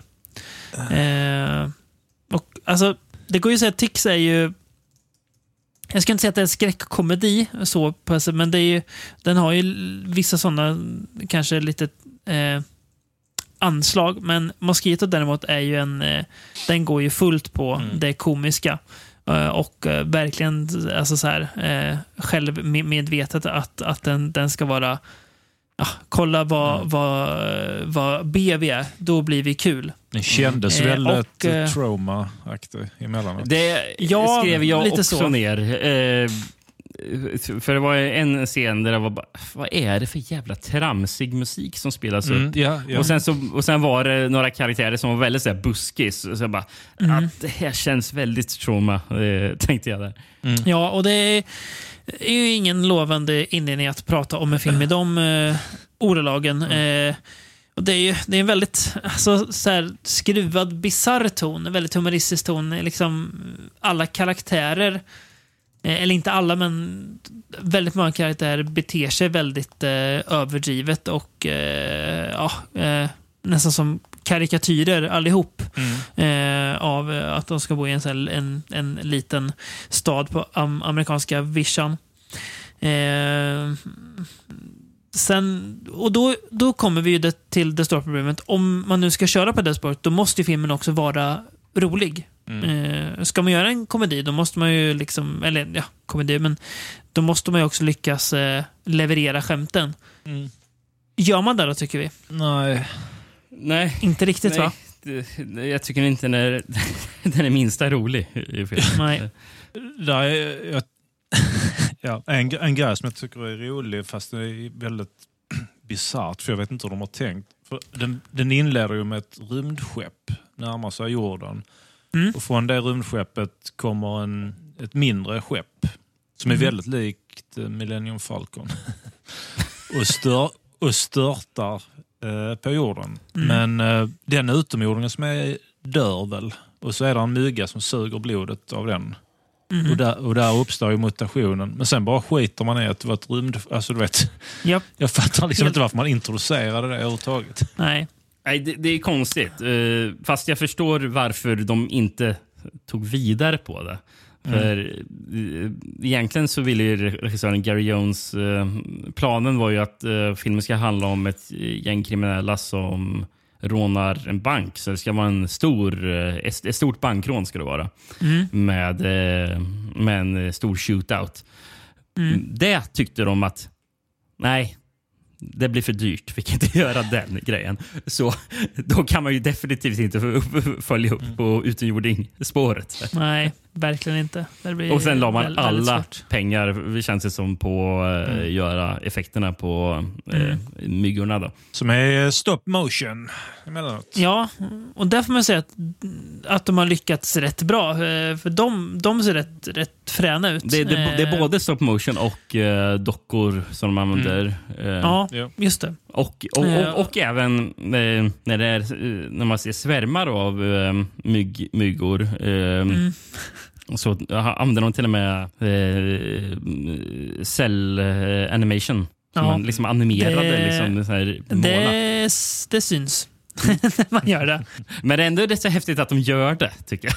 Absolut, ja. absolut. Det är, just just de, de grejerna tycker jag är ganska lovvärda. För det, det ser man att det finns, där finns en ambition att ändå leverera på den, den fronten. Att eh, vi vill ge liksom de som ser den filmen i alla fall en, en när det kommer till att göra en creature feature vill vi i alla fall leverera på creature-delen. Eh, och det tycker jag oftast att man gör. Eh, att det är rätt, eh, rätt fräna eh, myggor. Men jag vet inte, det blir... Ja, det blir liksom det blir för tramset och nu när jag tänker på filmen så gillar jag den ännu mindre än när jag precis hade sett den. Den har liksom inte alls, inte alls eh, eh, växt bra i huvudet. Det finns ju, på tal om humor, det är ju egentligen inte kul, men det är väl... ah, jag vet, jag vet inte om, om det var kul 94 eh, och om vi är trötta på det nu för att eh, referenshumor inte är så kul. Men när Gunnar Hansen då plockar upp eh, motorsåg och säger något typ ha I, I haven't ha handled one of these in a long time. Eh, 20 att det år. ska vara lite kul. Ja, precis. Eh, ja, haha. Du, du ska alltså vara Leatherface, den här gubben där Kanske hade fungerat bättre i en annan film om man gjorde det lite Ja, så snyggare. kanske. Eh, Ja, men det, precis. kanske kunde vara kul. Absolut. det var just den här, liksom, ja, såklart ska ni ge Gunnar Hansen en motorsåg. Bara, bara för. Ja, precis. Sen tänker jag, Roger, du är ju eh, en stor... eh, du är ett stort fan av mycket, men eh, kanske framförallt uh, Indiana Jones, eller? Mm, ja, skulle man kunna säga. Ja. Mm. Ja. Jag tänker lite på att uh, Steven Spielberg eh, har ju lite att stå till svars för här. Va? För att det är en scen i Kingdom of the Crystal Skull som är ganska inspirerad eh, av en scen i den här filmen. Va? Tänker jag. Eh, Det har jag. Mm, det En viss, eh, en viss kylskåpsscen när de ska gömma sig för en, för en bomb. Ja, ja, ja. Jo, just det. det just det skrev, jo, det skrev jag på slutet att... Jag tycker eh, att eh, ja. Gary Jones borde stämma Spielberg. Ja, det är faktiskt, ja, det är faktiskt skulle säga för att vara George Lucas. För det är Lucas som har kommit på den Ja, idén det. från början. Det Ja. var liksom, Ja, det är det. Ja. Den har varit med redan sedan 90-talet. Så att, ska det bli den fjärde ja, men Jones men vara- eh, har, har, det, har det var- var den med innan 94? Det är det som är den stora frågan. Ja. Eller Men där- kommer men- George Lucas på, på den e- efter att han gått och sett Ja, men, Mosquito ja, på hur bio? är det här? Han gömmer sig i ett kylskåp här och överlever en brand. Är det inte så? Va? Ja, men det är väl en bomb som sätter igång branden? är det Ja, inte ja, just, Mm. ja, precis. Ja. Mm. Jo, men Exakt. det... Mm. Ja, det är kul att det är rip-off på Mosquito av allting. Det, Exakt. Att den mest Ja. utskällda scenen i Crystal Skull är en, Ja, en rip-off på Ja. Mosquito. Jag kul. jag, men just nu det var kul att vi, vi är inne då på lite indie, eller George Lucas. Jag har liksom alltid, jag tänkte på det nu när Gunnar Hansen dök upp, att han och George Lucas skulle kunna spela bröder. Ja, de, eh, ja. De har, liksom, de har samma sådär mjuk, lite utseende och lite sa, alltså Ja. samma sådär mjuka röster. Ja. nu, nu, nu när Gunnar Hansen har eh, vitt hår och vitt skägg, Ja, ja. Liksom, det ser ju Mm. väldigt lika ut. Ja. Kan det vara så att George Lucas eh, pappa åkte, hade någon affärsresa till Island kanske? på... det vet man inte. Nej. Nej. Inte omöjligt. Inte omöjligt. Det borde man egentligen kolla. Ja. Jag, jag, eh, dels innan jag såg filmen, men jag sitter även eh, uppe nu, med Gunnar Hansens eh, filmografi. Mm. Eh, Jag tror, tror knappt jag sett en, hört talas om en enda av dem. Eh, Alltså det Nej. är efter, så här lite hånfullt att det brukar väl inte dofta succé när man har Gunnar Hansson som headliner sin film. Nej, precis. Nej, Eh, det, Hollywoods Chainsaw Hookers har jag sett. Mm. Eh, jag känner igen, jag har sett den här Murder Set Pieces. För jag har för Ja, mig att det. uh, Njuta-film gav ut den. Och att Ja, det var en sån här extrem horror. ja, jävlar vad det talades om den när de släppte den. Ja, men jag har absolut inget minne av vad den handlar om. Nej, de, de, de, Nej. jag minns att man skrev om den här Murder Set Pieces som att det, var- det var den värsta Ja. grejen Ja. någonsin. Ja. Var det, så här, Världens hype. Mm. Sen så, Tony Todd är med den också. Ja, men, men, men snacka om... jag har inte hört talas om Murder Set Pieces på många år. Snacka om Nej. bortglömt. Ja, ja, ja. Den, Alltså- eh, den kom ju liksom i, i samma våg som den här August Underground eh, eh, grejen. Men är det liksom, verkligen samma var- typ av grej? Nej, de är jag väl, vet de är inte riktigt om det är lika. Eller sådär. Ja, Ja. och super. Ja. Det verkar vara en, eh, en polsk film, Murder Set Pieces, eller? Ja. Ja, den ser väl lite äcklig ut, men jag vet inte. Nej. Mm. Ja, just det. Han dök upp där i prologen i den väldigt märkliga Texas Chainsaw 3D. Eh, Jaha, är Gunnar Hansen med i den? Han är med i den i ert Chainsaw-avsnitt. Ja, nej, för hade den, för den, eh, den börjar ju där, alltså prologen i den utspelar sig ju liksom någon, någon timme efter originalet slutar. När eh, poliser och sånt kommer till det här huset. Och helt plötsligt är Japp. det då en hel jävla familj. Eh, Mm. Gunnar Hansen är ju en av dem som sitter med där. Men liksom, Ja, bara, ja. vilka är de och var fan kom de ifrån? Liksom? Ja. Ja, ja för, Och det det, för det, är inte så- han, det är inte han som är med i världens bästa trailer. Nej, just det. Trailern till Motorsågs- Motorsågsmassakern 3 då det är någon slags eh, sån här svärdet eh, som kommer upp i, upp i sjön. Ja, Ja, ja, ja, ja, ja. Den här motorsågsma- det- de motorsågen istället som kommer upp. Det är ju Japp. En av världens bästa trailers måste det vara. Svinbra. vet ni vem som spelar eh, Leatherface i den trailern? Ingen aning. Den, Nej. eh, Kane Hodder. Ah. Jaha. Så I och med den har In- han, och han har ju även haft, det är ju Ken Hodder som har Freddy Krugers handske där, Jason Goes to Hell. När den tar tag i hans Jaha, mask. där Så också. På det sättet Ja, ja, har ja. Kane Mm. spelat både Leatherface, Jason och Freddy Krueger. Ja, det är bara, bara Michael kvar då. Ja. I, Halloween Ends 2 kanske kommer... Eh, eh, Corey, han kanske till och med spelar Corey Cunningham. Eh, Cirkelslutning. Nu är vi inne på Ja. has-beens eh, med, Mm. med, lite med Ja. eh, Gunnar Hansson där. Eh, Vem är det mer som är top-creditad eh, på den här filmen? Jo, det är Ron Ashton. Som Jajamän. är gi- gitarrist i The Stooges. Mhm. Han Även känd från eh, B-skräckisen Hellmaster. vet inte ens vad det är för någonting. Det står Nej. också Frostbiter, Wrath of the Vendigo. Ja. Eh, Ja. Jag vet inte om det är samma regissör faktiskt. Kan det vara. O- osäker. Och eh, ja, vart var tog David nu vägen? Just när jag skulle dra min efterlängtade referens som jag hintat om till dig innan idag. Ah, Jaha, där är Hellmaster på Blu-ray. Mm. Okej. Och där Ja. sprang jag iväg och hämtade. Ja. Nej, nu, Ron Asherton. 19, 1999 kom det en engelsk film som heter Velvet Goldmine. Har ni sett den? Ja, men den- Med den glamrock. sett. Nej, Ja. men uh, Ewan McGregor Ja, precis. Eh, Mm. och han, Ewan McGregors karaktär är ju ja, Iggy Pop, så att säga. Mm. Eh, Mm. Så, så um, Ewan McGregor han sjunger själv uh, The Studios låt TVI. Och Mm. på alltså soundtracket är det Ron Asherton och några andra som spelar. Men de spelar inte, de spelar inte hans band så att säga, i filmen. Men på soundtracket Ja, okej. är det de som kompar Ewan McGregors Studios låt. Ja, det så det var, jag. Mm. det var det jag skrev till dig innan då David, att Ewan McGregor kommer nämnas ikväll. Så här kommer Ja. han. Det är trevligt. Där Ja. kom han ja. Eh, I, i, apropå just Velvet Goldmine, för det är fantastiskt soundtrack den här filmen. Är. det. Ja. Eh, det är ju många låtar som är gjorda, eller flera låtar för mig, eh, som är gjorda av bandet eh, Shudder to Think. De Mm. har en låt som jag ska spela in upp lite här som är jävla bra.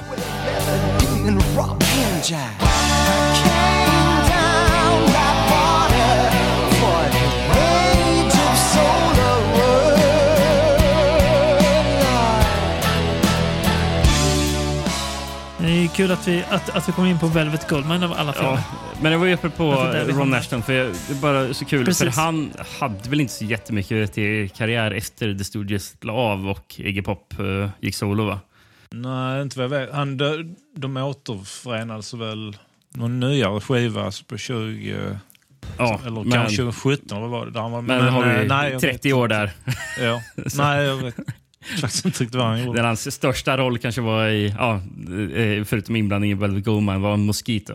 Eh, Så, Ja. Eh, Exakt. Tydligen fram till återföreningen av The Stooges. Eh, rockkritikern Nick Kent beskrev Ashton som... Ja, för, för han skrev att för tydligen för Ashton eh, bodde fortfarande hemma hos sin mamma. Mhm. Eh, och, han, och eh, Nick Kent beskrev honom som eh, a beer drinking gun nut. Som bodde hos sin mamma.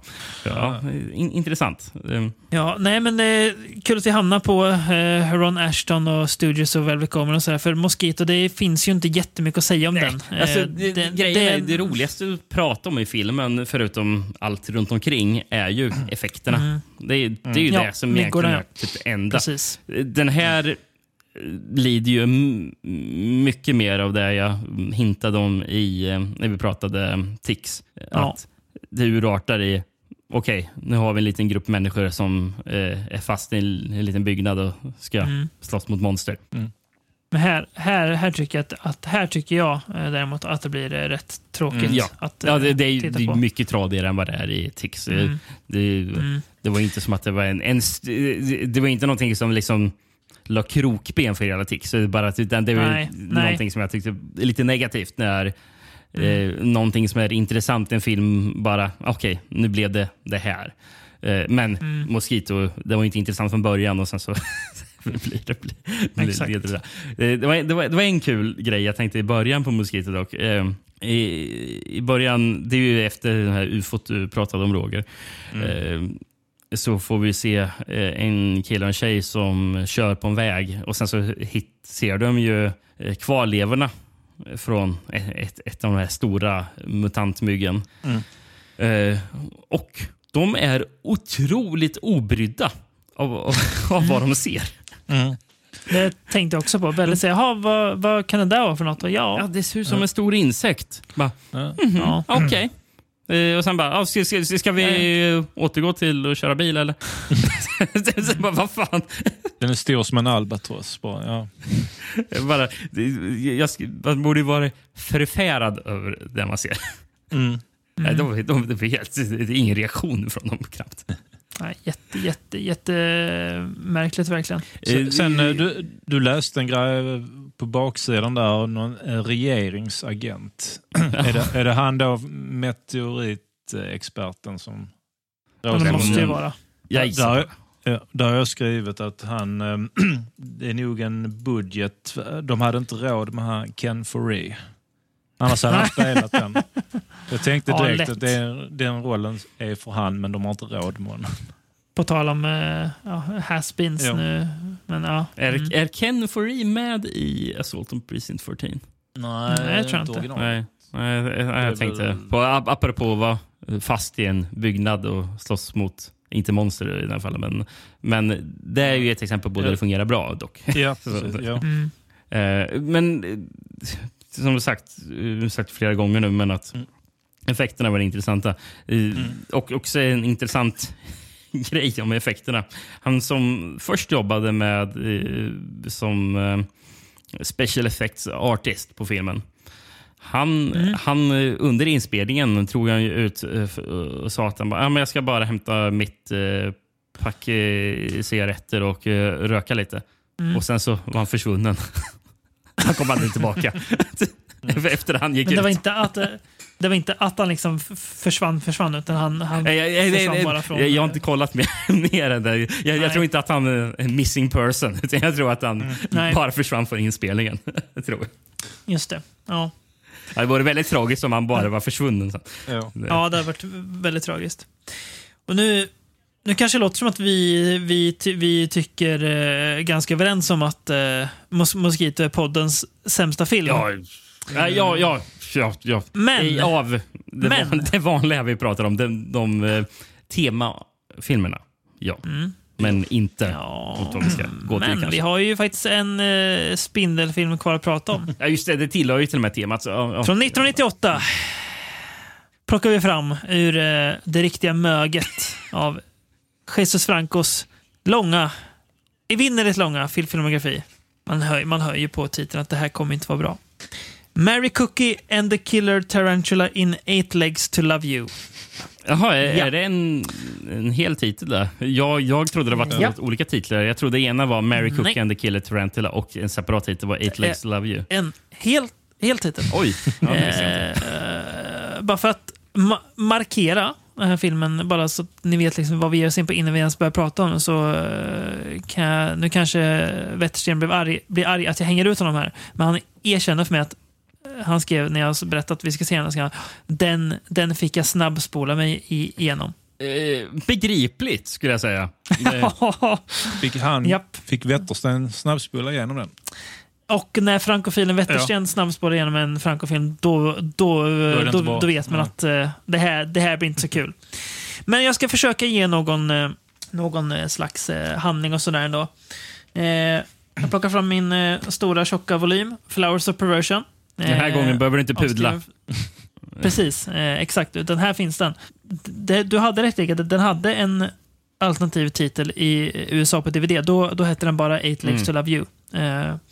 Eh, annars så he- hette den så här, eh, den hette Maricoki y la Tarantlila Asesina i Spanien. Så den hade inte inga alternativa titlar och det är kanske inte så konstigt heller. Ja, men då blir det ju bara Mary Cookie Eh. Tarantula också, som det jag läste. Ja, precis. Mm. blir det ja. Ja, exakt. Eh, handlingen då ska jag försöka få, få till. Om jag fattar rätt. Lina Romay spelar ju då den här... eh, Hon spelar ju inte Mary kom jag på. Hon spelar någon slags Tarantella-människa. Lina Romay Eh, är visst Mary Cookie. Jaha. Men varför heter filmen And the Killer Tarantula? Ja, ja, fråg... Det är många Förlåt. frågor på det Jag här. ska- Fråga mig inte. Jag ska inte fråga. Nej, okej. Hon spelar Mary Cookie som är en killer tarantula eh, som lockar folk med sin sexualitet och dödar dem i sitt nät. Och sen eh, ja, får vi också se massa brudar kladda på varandra på diverse sätt. Bland dem har vi då 80-tals eh, brudikonerna Michelle Bauer och Linnea Quigley. Som eh, jag inte förstår hur de hamnade här. Men, Ja, eh, och, och, och, och jag tänkte också det gjorde de. så här. Då har, jag, jag har dålig koll på Michelle Bauer, men jag vet ju att Linnea Quigley har ju varit med i otroligt tveksamma grejer genom Ja. sina år.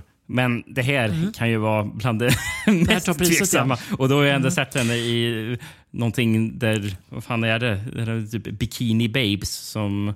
Ja. Eh, vad fan hette In, den? in the slime ball bowlorama va? N- Nej, det är inte den jag tänker på. In, inte Eh, den, nej. Jag ska kolla upp vad det är. Jag tänk. Inte, inte den Bikini Beach Babe från Beyond heller eller? Nej, nej, nej, nej, det är det inte. Nej, det Det är så är... jag kan ju fylla i lite med Michelle, Michelle Bauer, för hon, eh, Linnea Quigley och Michelle Bauer är med i den helfestliga 80-talsfilmen Nightmare Sisters. Där de spelar tre nördiga brudar som blir besatta av demoner och då, och då, då blir de istället tre sexiga brudar. Eh, väldigt rolig film. Mycket roligare än den vi ska prata om nu. Rickard bara letar efter en dålig Linnea Quigley-film. Ja, det är svårt att hitta. Det är så mycket film- dåligt.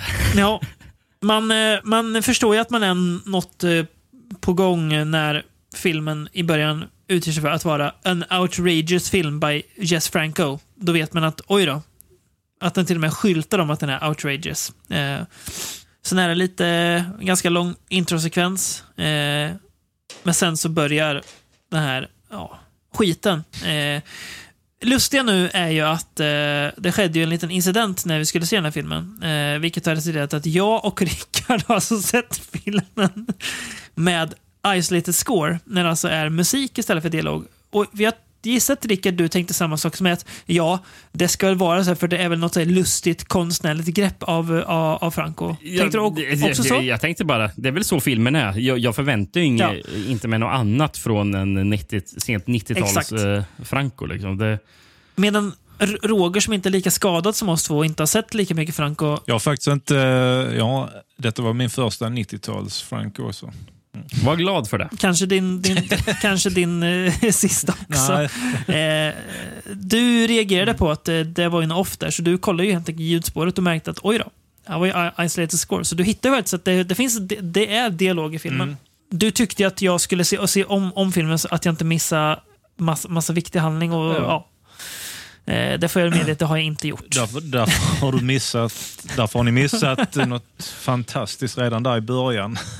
När ni säger det börjar, vad var det du sa? Det börjar lite eh, konstigt där och sen drar filmen igång. Bra. Mm. Ja, Japp. men du, du får bakgrundshistorien där i början.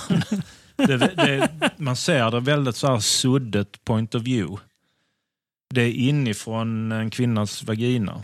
Mm. Eh, och där är berättarrösten eh, säger då att på, eh, jag gissar för jag var tvungen att kolla upp det lite, men under eh, här 80-årskriget eh, när Spanien invaderar eh, Nederländerna. Eh, så då var där en, eh, en höggravid ung eh, kvinna i Nederländerna som blev våldtagen av en spansk kapten av något slag. Och när, hon är fär, när den våldtäkten är färdig så kryper en svart tarantella in i hennes sköte och lägger ägg. Och därför föds då den här Lina Romay-karaktären. Okej. Och man hör ljudet när den spindeln kryper in. Och, äh, äh. Jag har skrivit, det är Varan-TV-nivå här. Eh, så det, det inledningen där före förtexterna, det är liksom grundhistorien. Hur. Så den här, den här Lina Romay, Tarantella-karaktären, har då levt i 300 och 400 eller vad det nu är. Så, Det roliga är att på den spanska dubben eh, så är det faktiskt så att eh, där hör man, jag vet inte om det är i den scenen, men tydligen, jag, kom- minnen av den filmen är ju redan svaga. Men det ska komma ljud från en kvinnas sköte, typ bebisljud. Och det är så Franco själv som gör de ljuden. What? Ja. Jag kan ju för övrigt säga, jag hittar inte det jag tänkte på med Linda Quigley. Jag, för jag har för mig att det var någon sån här Scream Queen-grej. Eh, Det, det är inte den här eh, Scream Queen Workout-filmen, eller? det, det jag hittade Linnea Quigleys Horror Workout. Ja, Eh, som ju nyss, är, nyss sjukt nog är släppt på Blu-ray. Eh, det kan vara den, men den står det att jag inte har sett på Letterbox. Jag kanske skämdes över att ha sett den så jag inte markerade så sett. Jag vet inte. Ja. Men det, det är det närmaste jag kan komma på. Men apropå Ja. just Linnea Quigley och uh, Jesus Franco. Vi har faktiskt sett Blind Target från 2000. Där är ju Linnea Quigley också med. Helt uh, försvunnit från eh, mitt minne. Det har verkligen... Jag vet, inte, jag vet inte vad Blind Target ens handlade om. Nej, helt... eh, jag vi- visste inte ens att den, att den, den filmen fanns. Om jag, om, om jag läser från eller Blind så. Target där. A popular American Mm. novelist who has written her first non-fiction work about the political infidelities and corruption within this tiny South American county of Sant Hermoso returns to that very county as a Ja, part of a publicity junket ja. prepared by a publishing company. Säger det någonting? Ja, men jag, då, jag har något svagt, svagt minne av jag. eh, det där eh, att, att någon, någon, jäkla, någon jäkla reporter som ska tillbaka. Ja, men eh, ja, nej. Eh, sugen på att se om den blir man inte. Eh, det här är ju... Det är fruktansvärt. Är, är det här ens, ens en film? Nja, jag, Jag tänkte att jag kände så här lite David Lynch-aktigt. alltså att eh, Franco försöker liksom göra något lunchaktigt. Men eh, alltså jag, jag, tror, jag tror att... Det är nog att ge eh, tank, tanken bakom den här filmen för mycket cred. Nej, men, nej, men alltså det, för emellanåt kändes musiken också som han, ehm, vad fan heter han, Angelo, den som Lynch alltid använder. Badalamenti. Ja, lite, Mm. Lite samma stuk på musiken också. Men Wow. jag tror liksom... Det, det tänkte jag inte på en sekund och då har ju tydligen bara sett filmen med eh, sitt score. ja. Isolated score, ja.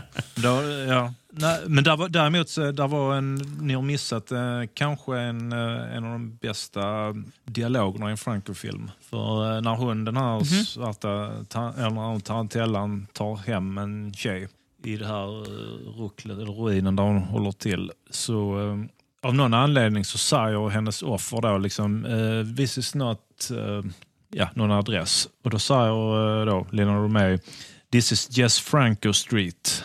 Och hon då, who? Och så sa han, you know, the Spanish fil film director is not as smart as the others, but just as crazy. Liksom bara, ja, det nämns. Bara. Ja, bara Ja. lite i förbifarten sådär. Apropå ingenting. Ja. Eh, Jag trodde till och med, du vet, där dyker upp en tjej med sheriffstjärna och hatt och väst och stringtrosor. Hon är en eh, polis på riktigt i filmen. Jaha. Jag trodde först det var något cosplay, men nej. Ja, nej. Eh, Ja. Och så långa, Ja. ja. långa strippsekvenser där. Med, ja. Japp. Och Ja. väldigt mycket kvinna på kvinna action också. Ja. Som eh, blir väldigt tröttsamt att se. Ja, och då brukar jag ofta säga att eh, den, jag bara, nu, okej, nu ska det vara erotik eh, i en Franco-film. Mm. Och Bara, eh, jag tycker, brukar jag ofta säga att fan, det är jävligt oerotiskt det jag ser. Eh, Japp, det är det. Det här är ju det här är definitionen av oerotisk erotik. Ja, jag håller med. Det är väldigt, jävla osexigt. Väldigt icke, väldigt icke-erotiskt. Eh, Men eh, ap- apropå all mu- musik här. Det är ju mycket, jag fattar det som väldigt mycket så här återanvänd musik eh, från Jess Mhm. Franco och eh, Daniel White då, som används i filmen. Mm. Och sen så används det ju lite White. ny musik också. Eh, Ja. Har ju något spår som står eh, som heter Caligula 2000 och någon artist som heter Lazy Sundays. och då antar att det inte är från Joe Diamatos Caligula. Eh. Eh, gissningsvis inte, nej. Precis. Eh, och, eh, men sen så står det också tre låtar av Jess Franco and his B-band som är sån Mm. nyskriven Mhm. musik. Eh, Varav en Jaha. låt heter It's a shit life. Där, var, är en annan eh, och sån här dialog som jag tyckte var helt fantastisk så att jag fick skriva ner det. Eh, Den var, den var så bra ja, alltså. Nej, men det var, eh, ni kommer ihåg, där var hon, tarantellan, har ju en chaufför som kör bilen åt henne. Mm. Och han, han suger på hennes fötter i en scen där i början. Som jag tänkte, Mm. ja, det här gillar nog Tarantino. Eh, och sen eh, nästa gång han är med, då erbjuder han sig också att suga på en, hennes fötter. Men så säger han också någonting sånt att han behöver, han behöver, om han är färdig för ikväll för att han måste vidare. Så säger han då, My wife eh, is expecting me. Lina Romay säger då, Again, you don't use condoms. ja, punkt. Ja, ja, ja det är... Ja, ja eh, jag ska ta lite från, eh, från boken som jag ehm, plockade upp. Det är, det är inte så mycket trivia, det är mest bara så här, eh, att eh, han som skriver, skriver vad, vad han tycker om filmen. Jag vet inte vad det här säger, men det är ju Steven Thrower då som ligger bakom boken. Men den här recensionen har inte Steven Thrower skrivit. Jag vet inte om det är för att han kände att jag har inget gott att säga om den här filmen, så jag överlåter det till min kompis Julian Granger, eller om det är något annat. Men Julian Granger, eh, han är ju som så här som jag pratade om i förra podden, Rickard, att när man läser så Franco-recensioner så är det så här, vad, vad är det de, de ser? För de, de skriver om filmerna på så sätt som så här, jag ser inget Ja. av det här. Och det är lite så här, här också faktiskt. Men han medger också det här ganska roliga att eh, att filmen har en tiny plot eh, that might as well have been written on one side of a napkin. Ja, det, det stämmer ju definitivt. Och sen eh, medger han också, det, det återkommer han till det här med liksom Franco och Romays partnerskap. Att, eh, ja, men att han pratar om att det är, det är något lite fint i att Franco, liksom, från att han hittade Lina Romay i och med typ Female Vampire är väl den första, så slutade han aldrig vara besatt av att visa henne naken på film. Trots att hon inte längre var liksom ung och het som hon var på 70-talet. Eh, och det ligger väl något i alltså, att det fanns något så här beundransvärt i deras eh, märkliga men också lite härliga relation. Att eh, Oavsett när, när Lina Romay blir liksom medelålders och ja, inte lika objektivt eh, vacker kanske så fortsätter Franco ändå låta henne visa upp sig i hela sin härlighet. Eh, och att filmen fokuserar väldigt mycket på det. Att eh, det är Lina Romay som ska få vara sexig. Då. Eh, ja, eh, Ja, men det är ändå lite fint från Franco. Liksom. Ja, på, liksom, på, värmande på- ändå på något sätt. På, på Francos lite skeva sätt. Ja. Men jag tänker det var väl eh, ja, eh, ja, ett sätt att visa eh, kärlek det också. Det får man igenom. Men filmen är fortfarande totalt bedrövlig. Det kommer man inte ifrån. Trots denna fina kärleksförklaring från Francos sida. Eller vad, vad säger ni andra? Tycker ni att, den är, att finns, finns det något, någon liksom behållning? Nej. Nej. Det finns Nej. ingenting. Att Linnea Quigley är med är ett plus. För jag, vet, jag har alltid tyckt Ja. hon, är, att hon, hon, hon har något. Eh, Ja, det har hon. Men, uh, nej, men som sagt, det var min första Franco 90-talare. Så jag, Mm. jag är inte avskräckt. Så att säga. Oj då. Eh, nej, men alltså, nej, Wow. det känns som att måste, jag måste ju säga något mer. Jag har, liksom, Ja, jag har inte sett, har ju- jag har bara sett 70 och 80-tals Franco. Så jag har liksom inte, jag, Mm. 00-talet har jag inget på. Nej. Så där är väl, ja, suckar liksom. Där är grejer att ta. Ja, finns det material att ta sig Ja. igenom. Det gör det absolut. Men ja, Vad hette den? Det var något tjejband som träffade på Dracula. Vad var det? eh, Killer. Barbies. Den, De är ändå Den är bättre det, än, än, än det här. Ja. har, det vet jag, Det- någonstans. Som att jag måste, Det är ändå liksom handling i de filmerna. In, inte bra. Absolut inte bra. Det kommer jag inte säga Rickard, men det är i alla fall något annat än Jo, det här. jag tycker det är lite oroväckande när Roger säger att eh, han har nedskriven någonstans. Det finns mycket annat man kan ha nedskrivet av Franco än Ja. Killer Barbies. Fina, fina, fina Roger sitter där, där hemma i, i, Mm. i som en liten obskyr bok där det står lite, lite diverse Franco-titlar i. En vältummad en bok, hardcover med sådana skyddsomslag som är skrynklat. Som är, Exakt. Möjligen skrynklat av en, en kock på en, en, restaurang som vill, vill, vill vara lite shabby. Yes. Ja, men eh, det om det kanske va, eller? Mm. Känner vi jag oss tror eh, färdiga med eh, krypen och eh, krälen idag tänkte jag säga. Kul att ha med dig igen Roger. Tack. eh, väldigt, väldigt kul att vara tillbaka. Eh, kände Mm. mig jag, jag var ute och gick ut och promenerade lite en stund innan idag. För, eh, så Mm. lyssnade jag lite på det förra avsnittet med Poe. Och eh, Mm. åh, jag fick huvudvärk. Ja, men du vet, jag, kommer ihåg, jag kommer ihåg hur jävla nervös jag är den första halvtimmen där. Nu känner, nu känner jag mig mer bekväm med den här gången. Lite mer var, Ja, varma kläderna. men, eh, Ja. Jag har Ja. liksom gjort lite, sån här, lite research. In, liksom, jag såg de, de flesta filmerna förra veckan men jag försökte liksom Mm. kolla upp dem lite igen så jag hade koll.